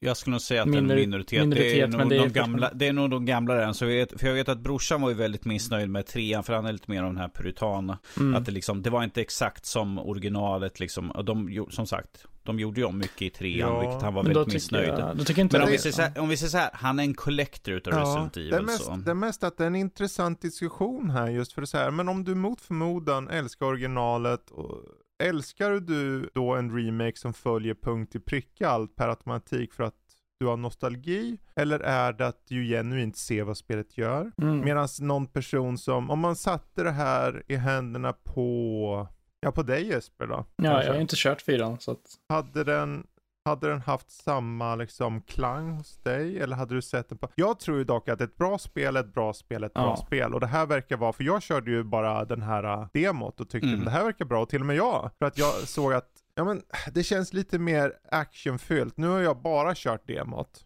Mm. jag har aldrig kört, jag har inte kört originalet. Så att det båda ju gott. Men jag tyckte det var intressant att se så här. Vad, vad, tyck, vad tror folk? Hur färgad är man egentligen av? För det är så många som du vet, ju fort det är någonting som ska göras en remake på, då kommer det första som någon säger, varför gör ni en remake på det? Mm. Mm. Och sen om det är bra, ja vad säger de då? Det, är, det visste vi ju hela tiden för det är världens bästa spel. Det finns många som säger redan innan något spel har släppts, det där är världens bästa spel. Mm. Det kommer bli skitbra. För att de är fanboys. Mm. Mm. Och det är så det funkar. Medan någon mer neutral bara mest, okej det är bra för det är bra. Och Det det, är där är ju- svårt att det- veta vem man själv är. Det är mest Ja. det jag vill gå till. Det där är ju en liten svår balansakt genom att skriva de här recensionerna på remakesen. Visst, jag har kört originalen. Jag är ingen superfan. Jag kan spelen eftersom jag har en bror som är en fan. Så jag vet väldigt mycket av det tack genom honom. Eh, men att det man får ta på det här, liksom att se liksom vad har spelet gjort från originalet. Jag kan originalet ganska bra i huvudet sådär. Eh, genom att ha sett och ha spelat spelet. Så jag vet ju liksom kärnan i spelet kan jag ju. Jag kan ju inte liksom varenda jävla bit för bit. Men att sen gäller det också att kolla på vad har det gjort nytt? Vad har de förändrat? Vad har de gjort om liksom? Men då är ju frågan som du sa förut, för du sa ju glatt att de inte har förändrat för mycket. Mm. Att det är mer eller mindre samma. Och då är det så här, Ja. men om det är samma, för ett bra spel är ett bra spel. Ja. Här, om, ett, om ett spel är bra utifrån sin ursprungliga design och spelmekanik, är det då Mm. en remakes förtjänst att det är bra? Eller är det mer en konsekvens bara av att originalet har överhuvudtaget existerat och det du egentligen bedömer är hur bra originalet var? Mm. Ja, alltså, Om de inte gör en reimagining, Final Fantasy 7 Remake och säger Mm. ja men vi förändrar omlopp och så, och vi till och med gör lite ny stridsmekanik och så. Då är det på riktigt en förändring, Ja. men du har essensen. Det, jag tycker det är en intressant fråga mest så. Mm. Eh, och det är ett dilemma för oss alla när vi sitter med kanske något kan sånt där eh, spel. någon slags Discord-fråga kopplat till det. Oj, ja. Eh, Ja, vi kan Du får kanske gärna klura fram någon sån eh, bra Mm. fråga och med alternativ. För det, det, Ja, jag vet inte. jag, jag bara spontant tänkte på det, för det var intressant. Det är kul att se att du hade kul med det. Mm. Det Ja. är nog slutpoängen. Precis. Ja. Ehm, Och som du sa, ett bra spel är ett bra spel. Mm. Eh, och ifall det är väl gjort, ännu bättre. Mm. Men jag kan ju i alla fall säga, liksom, ifall ni är nyfikna. Test, ta hem demot, finns på alla Precis. plattformar ju så. PC, Xbox, Playstation.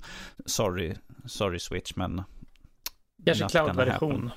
cloud-version, Ja. precis. Alla andra kommer ju på cloud-version så det vill man ju Yes. verkligen köra. Ja.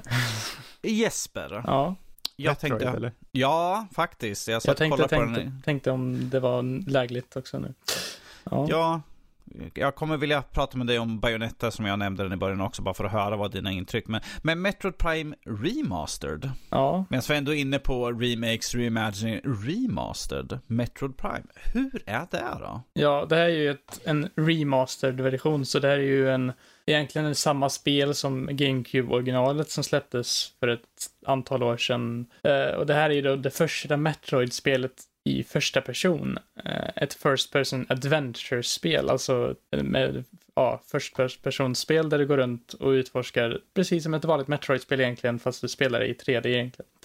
Eh, och det som är nytt för den här versionen eh, är att du fått ett stort grafiskt lyft och även att du kan spela med dual stick control, eller dual analog stick controls så att du kan eh, använda båda stickorna för att sikta och gå runt och Men den, de hade fortfarande kvar Ja. originalkontrollen, ifall jag inte missminner mig helt fel när de pratade om det här. ja, du kan både köra med originalkontrollen och Du med kan köra med originalkontrollen om du vill ha en dålig kontroll. Och Ja, du kan precis. byta till den nya om du vill köra med en modern och funktionabel kontroll. Jo men Det precis. går om du vill. Jag testade att köra med de andra, det, det det funkar typ inte. Eh, du kan även köra med Wii-versionens kontroll, att du kör motion controls eh, och siktar. För det, det släpptes ju en Metroid Prime-trilogi till Wii och då var det ju eh, motion controls och sånt. Men jag skulle säga absolut rekommenderar eh, Dual Stick Analog, det är mycket mer skönt att spela med. Men eh, ja, jag tyckte att det här var ett väldigt eh, här, roligt spel. Jag tycker att bandesignen är väldigt bra och intressant med utforskandet. Man går runt och... Ja, Er, för er som lyssnar, Fredrik visade precis upp att han hade den. Ja, jag har Jo. kört lite grann på det. Sen sa- hände någonting som gjorde att jag kom av mig kan man säga. Jo, Eh, jag förstår. Eh, men eh, det som jag tyckte mycket om det var främst att det här är mycket mer fokus på utforskandet än kanske utmaningen i strid och sånt. För i till exempel Metroid Dread så är det ju väldigt mycket så här svåra fiender och svåra boss encounters. Här är inte bossarna och sånt är jättesvåra egentligen. Det är väldigt mycket så här pussel i omgivningen. Du ska typ göra någon slags, låsa upp dörrar till exempel med att du skannar vissa saker. Det är väldigt mycket så att du, du har en skanningförmåga som du har. Och den skanningförmågan så kan du skanna olika områden och olika objekt och få reda Alltså, på mer lore. Hela spelet är typ 70% scanning. Jo, men om, vi, typ. om vi ska vara helt ärliga. Det är ju scanning the game. Du låser upp dörrar med att du skannar, du får Mm. Till världen att du skannar och allt möjligt sånt. Och du kan skanna bossar, fiender och sånt för att låsa upp saker i menyn och så. Men ja, det är väl det. Eh, Det enda stora egentligen klagomålet jag har på spelet överlag, det kommer på slutet av spelet och det är att under spelets gång, jag kan rekommendera det till dig till Fredrik när du kör, leta efter någonting som kallas, eller gå till ett rum som finns i typ början av spelet där du kommer till Talon 4, planeten du är på. Mhm. Så finns det ett rum där, eh, som leder ner till Impact Crater, står det. Mhm. Och där finns det massa statyer som man ska scanna som säger vad, vad vissa så kallade Shuzo-artefakter finns. Och du måste samla alla de Shuzo-artefakterna för att låsa upp de sista två bossarna i spelet. Och det visste ju inte jag Nej. förrän slutet av spelet. Så då hade jag typ 3 av 12. Så jag tog den lätta vägen ut och eh, kollade YouTube på dem bara för att jag skulle få det gjort. Ja. Eh, men eh, det blev någon enorm backtracking blev det. Eh, vilket, Backtracking the game, inte scanning. det, det är ju inte så att, det, är lite så att backtracking blir lite väl, det tar väldigt lång tid att backtracka i spelet tycker jag. Eh, vilket är lite synd för att eh, liksom de är, områdena är placerade så att du måste typ gå igenom massvis av rum innan du kommer till, att du kan gå, åka ner i en hiss till ett annat område eller någonting så. Men ja, eh, tycker det var väldigt trevligt spel. Jag har ju aldrig kört originalen heller och eh, det skulle vara intressant att se om eh, de gör en eh, liknande versioner av Metroid Prime 2 och 3 eh, inför Metroid Prime 4. Ja, med tanke på att de ändå släppte trilogin en Ja. gång i tiden. Eh, Och då känns ja, det som att, varför inte? jag skulle dock inte riktigt vilja påstå att det är en så här 95 på Metacritic eller vad det nu var som de säger, utan jag ser lite saker som åldras lite grann, men ändå så tycker jag att det för sin tid är det ju ett väldigt bra spel. Men hur är det för idag då? Det, jag tycker att det är ganska bra för idag också. Det är ju det är liksom Metroid i 3D. Liksom. Det, är, det är inte ett vanligt first person shooter-spel där du går runt och skjuter saker konstant bara. Eh, utan det är ju det här att du ska scanna området, eh, lösa pussel, lite Zelda-vibbar får jag av vissa saker faktiskt. När att du ska liksom tar det från rum till rum och bossar. Och bossarna i sig är ganska mycket liksom pusselaktiga lite grann. Att du ska lista ut deras eh, svagheter och sånt genom att eh, Mm. scanna dem. Eh, För när du scannar fiender och bossar så får du liksom en beskrivning av vilka de är och vad de har för svagheter och hur de tar Skjut den i munnen. Ja. Får du när du scannar första Jo men bossen. precis. Ja, den första bossen är ju typ lättast i hela världen men, Skjut den i munnen. men det finns senare bossar som typ att du ska skjuta saker som reflekterar saker mot den så att du kan få Ja. en eh, öppen för attack och sånt. Eh, men ja, jag tycker att det var ett Mm. riktigt trevligt spel och kul att Nintendo bara Ja, här har vi det här spelet, ni får spela det nu om ni vill. På den här Nintendo Direct. Det hade ju läckt under en väldigt lång Jo, period. det hade ju det. Men... Så att det var ju redan förra året som, som det kom ut om att det skulle komma. Men det, jag håller med. Det, det är kul att det har kommit. Eh, jag, jag tog nu, det släpptes ju först en omgång med retail-versioner och sen var det tomt på dem och sen Mm. tänkte jag, ja, jag väntar. Jag är inte så, så jag väntar och sen kom det ett gäng till då. Jag snodde ett ex då. Eh, men jag, jag håller med. Jag tycker det är eh, riktigt stabilt. Och samtidigt håller jag nog med om att det kanske är 95 på Metacritic. Det är så här, om man har nostalgins rosa glasögon så är det klart att vad som helst Mm. kan vara superhögt. För om vi ska vara objektiva här, så eh, de kör ju för fan med midi-musik nästan i spelet. Oh, Mm. Jesus. Jag tror inte Alltså- de har gjort någon... Blipp, eh, plopp, plopp, blipp, plopp. Det är så här, det är inte, om, jag förstår om man älskar musiken. Det är inte dålig musik, det är bara att den är förlegad och lite halvtaskig. Jag skulle säga Egentligen. att jag tror för den tiden när den spelet kom ut så var det väldigt bra musik. För att det har ju en atmosfär. men då är det så här, av alla saker ni kan välja att göra i, i en remaster, så är en remastering av musiken, Ja, eller varför inte till och med byta ut musiken till en orkestral version eller någonting. Det är det minsta man kan begära, om ni ändå piffar till eh, det grafiska till en helt ny nivå, så ta- med, ta med musiken, ta upp det. Nu är det en väldigt liten detalj. Jag Mm. håller faktiskt med om att jag tycker hittills att den har den där, den har nerven av lite av Dread. Eh, och jag tycker världen, alltså det, vi vet ju alla att de tog eh, uppenbarligen inspiration från Alien-filmerna. mm. Eh, det är ju Alien rakt av. Eh, det är bara att du spelar som en tjej och det är skönt. För hon reflekteras, man, om det är någonting som sker på skärmen, något ljust eh, sken, så ser du dina, eller hennes ögon då, på skärmen framför dig. Sen när det reflekterar upp. Det tyckte jag var en kul detalj. Men jag tycker om just den här utforskandet och så. Det blir intressant när jag kommer till backtrackingen och jag ska försöka komma ihåg det där med att hitta de där Ja. eh, idolerna eller vad det var för något du sa. Jag kommer ihåg när eh, Returnal kom ut så var det många som jämförde Returnal med Metroid Prime, lite hur det kändes. Jag kan se Mhm. lite sådana mönster i hur bandesigner Ja. och sånt går till, även om det är ingen roguelike det här. Du, eh, du dör ju, om du dör och inte har sparat så blir det ju det. För du Mm. måste ju spa, när du sparar, så det är ingen autosparing i spelet, utan du måste ju spara vid varje sparstation för att få sparad progress, vilket kan bli irriterande om man råkar missa att spara vid någon boss och inte vet att det är någon boss där. Till exempel om man råkar dö. Men ehm, ja, jag tycker att eh, det har, eh, och så är det, liksom, det är lite så här, ja, det är lite längre än ett vanligt Metroid-spel också. Jag tror det tog mig typ 15 timmar att klara Mhm. ut det, men det var ju kanske typ 3-4 timmar av dem som ägnades åt slutet att eh, hitta de där artefakterna. Jag kan tycka ändå att det, det låter som en bra tid. Ja, faktiskt. Eh, och jag kan säga mellan 10 och 15 är en bra tid överlag för, för den här typen av spel. Jag tror man kan bli lite mätt på de här, okej nu ska du bli en boll och så ska du gå igenom där och sen ska du trycka på en knapp och du ska scanna. Och sen ska du scanna det där och sen ska du scanna det där. Fem timmar till med scanning hade nog tärt lite för mycket tror jag. Mm. det låter som en väldigt bra balans. Eh, för, för just det här med fiender, du kan locka on ganska enkelt och styrningen är faktiskt, ja, nutida. Så att eh, den funkar ju såklart väldigt bra. Eh, och jag tycker det ser, jag tycker inte om att säga för att vara switch, för det är liksom, det säger en del i sig självt, men jag tycker ändå det ser ganska bra ut. Mm. Eh, eh, och ha stämning. Så jag, ja, det är ju en klar rekommendation för vem som helst på en switch att testa. Även om jag skulle absolut alla dagar i veckan alltid föreslå Metroid Dread över det här. För Mm. Metroid Dread är bättre. Eh, Det Ja. bara är så. Eh, Men det är definitivt, om du älskar eh, liksom, den här typen av spel och utforskande i första person så ska du definitivt uh, kika in Metroid Dread, eh, eller vad säger jag, Metroid Dread, Metroid Prime Remastered. Man ska säga så här, det här är ju ett spel som kom ut för, vad är det, 15 år sedan eller någonting nu? 20 år sedan, 21 år sedan tror jag. 20, 21 år sedan då till och med. Och, Och Metroid 22 Dread är ju ett spel som kom ut i, för två år sedan snart blir det. Ja, så, svårt, vara. så fort har det gått.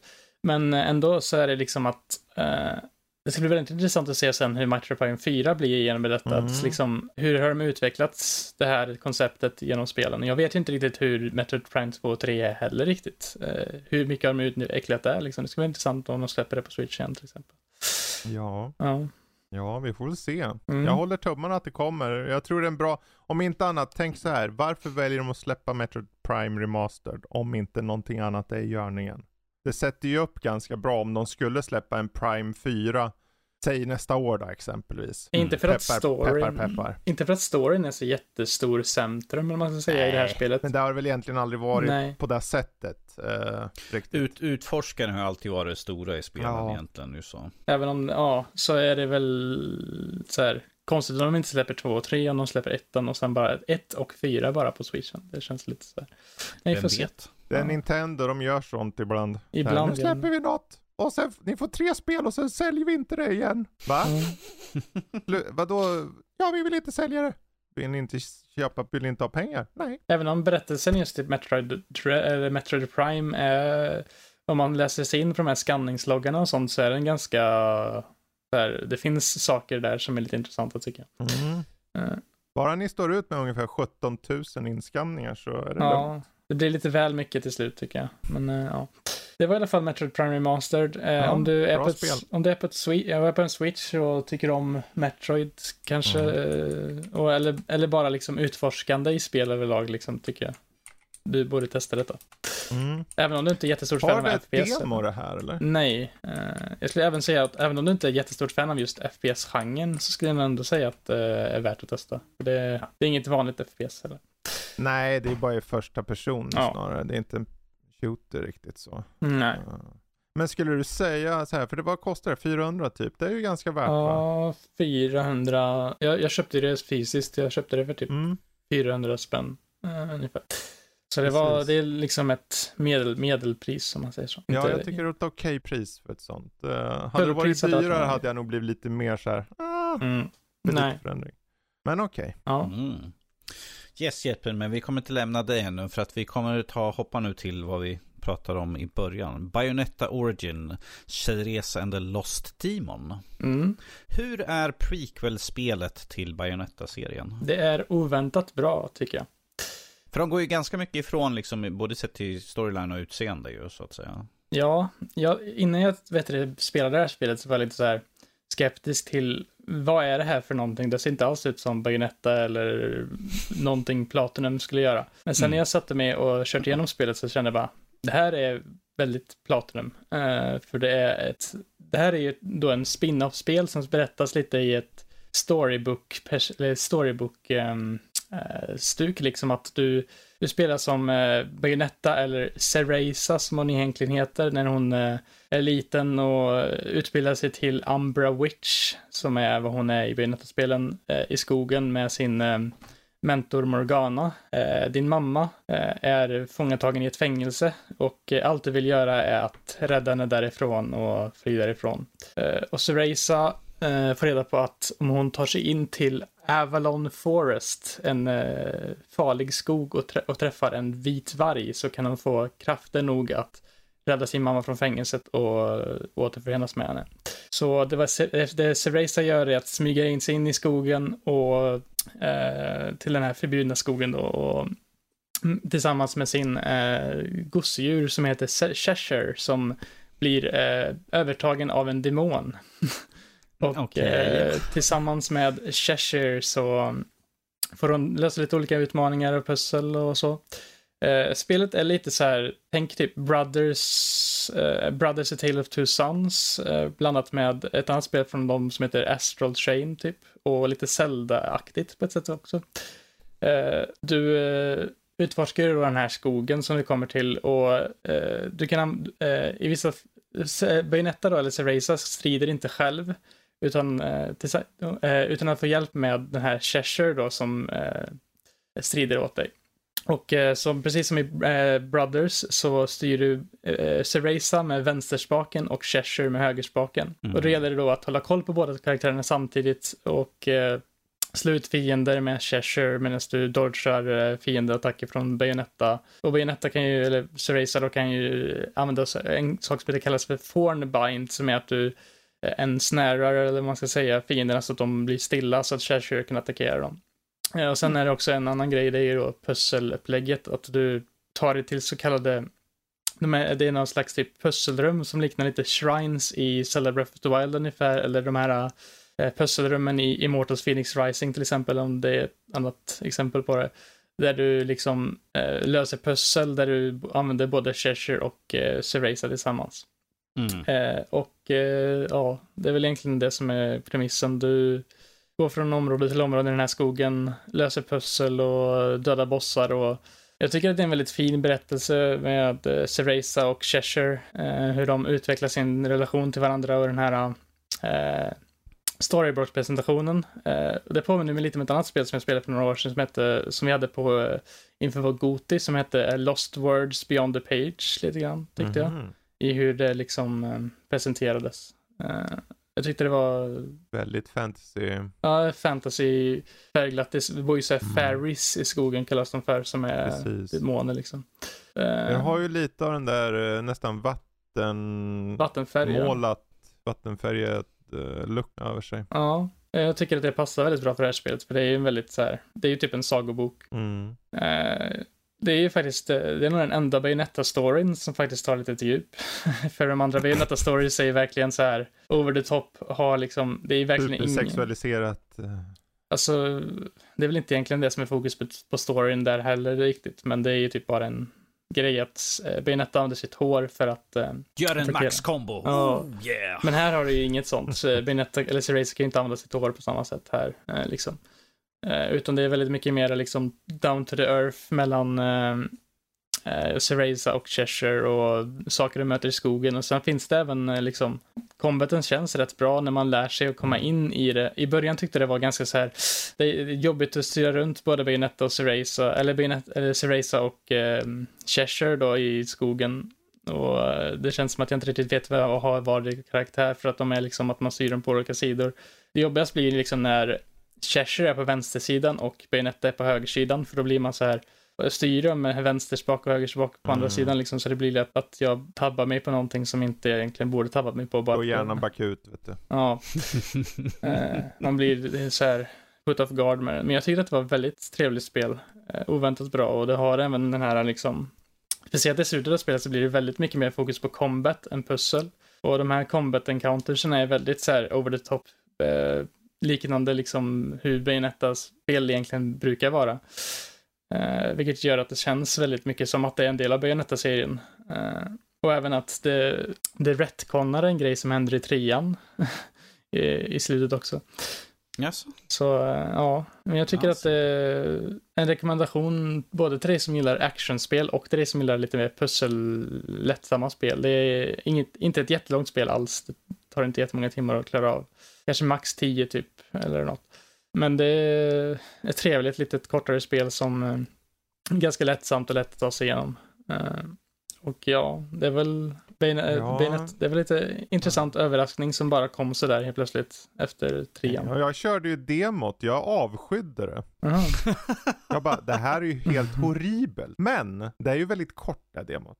Ja, hur långt körde du på demot? Jag kommer inte ihåg. Jag satt ju med bröderna Bäver då och streamade. Mm-hmm.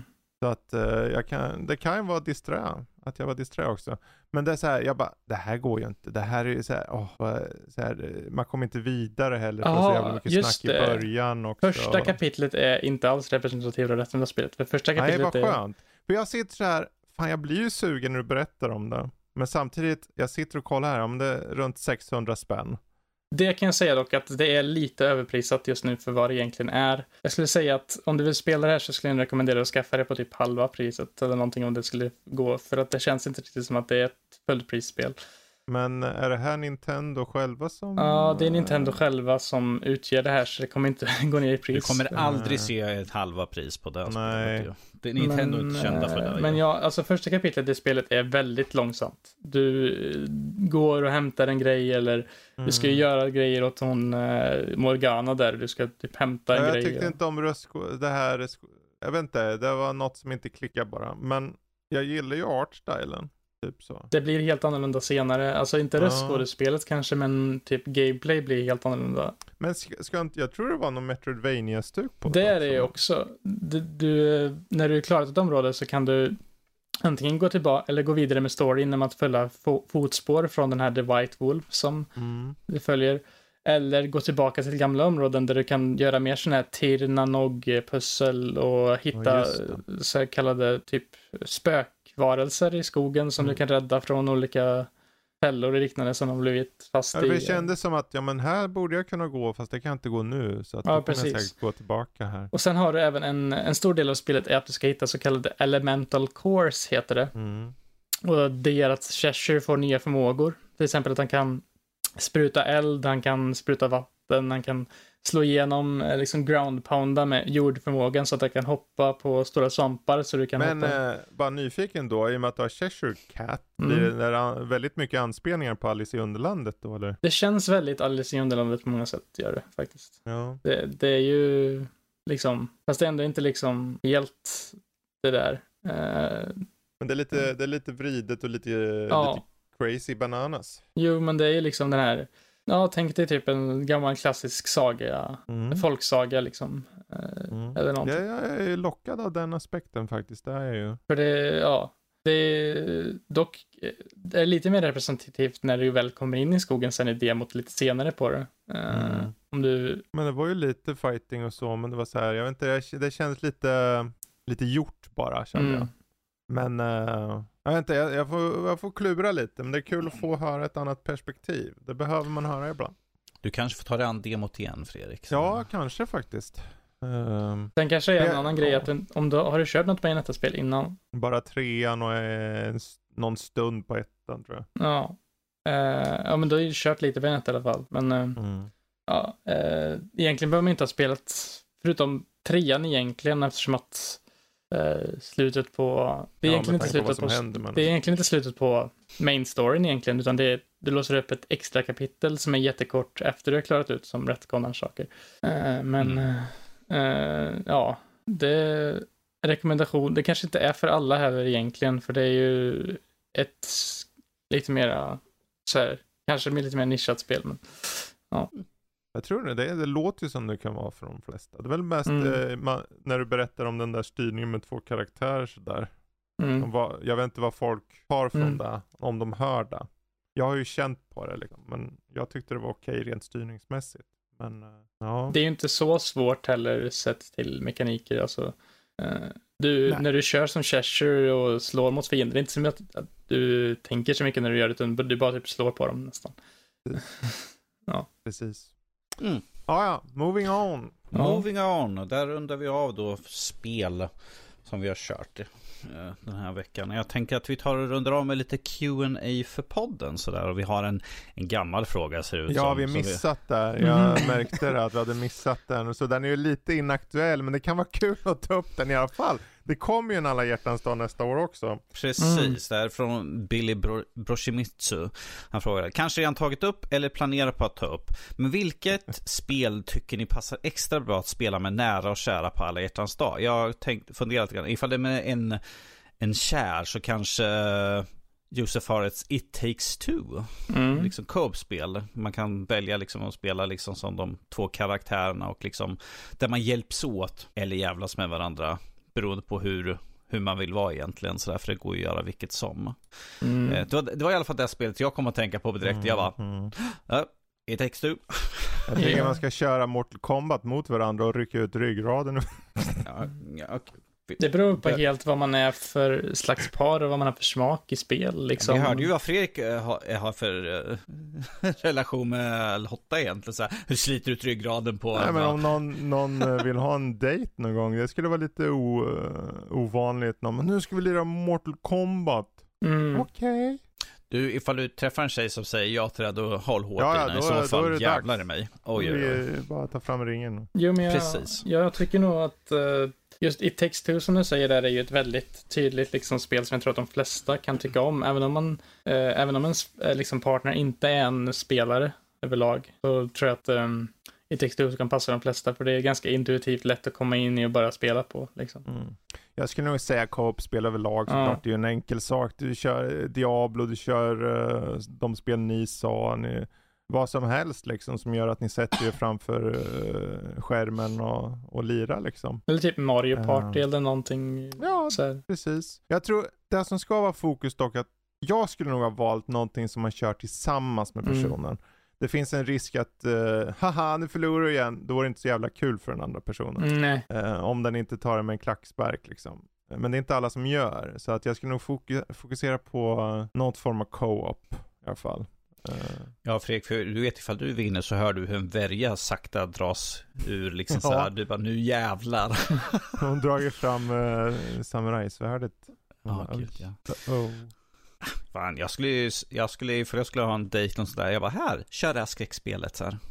Bli riktigt Ja, rädd. alltså allt handlar ju om liksom vad personen gillar. Man vill ju se, det, poängen med en dejt är ju att man ska se, okej vad gillar den här personen, gillar den ungefär som jag? För då är det ju jackpot. Eh, jag har ju haft tur med det, vi har ju suttit och liksom pratat spel och grejer och så, så det är ju fantastiskt när man kan hitta det. Du kommer orden, va?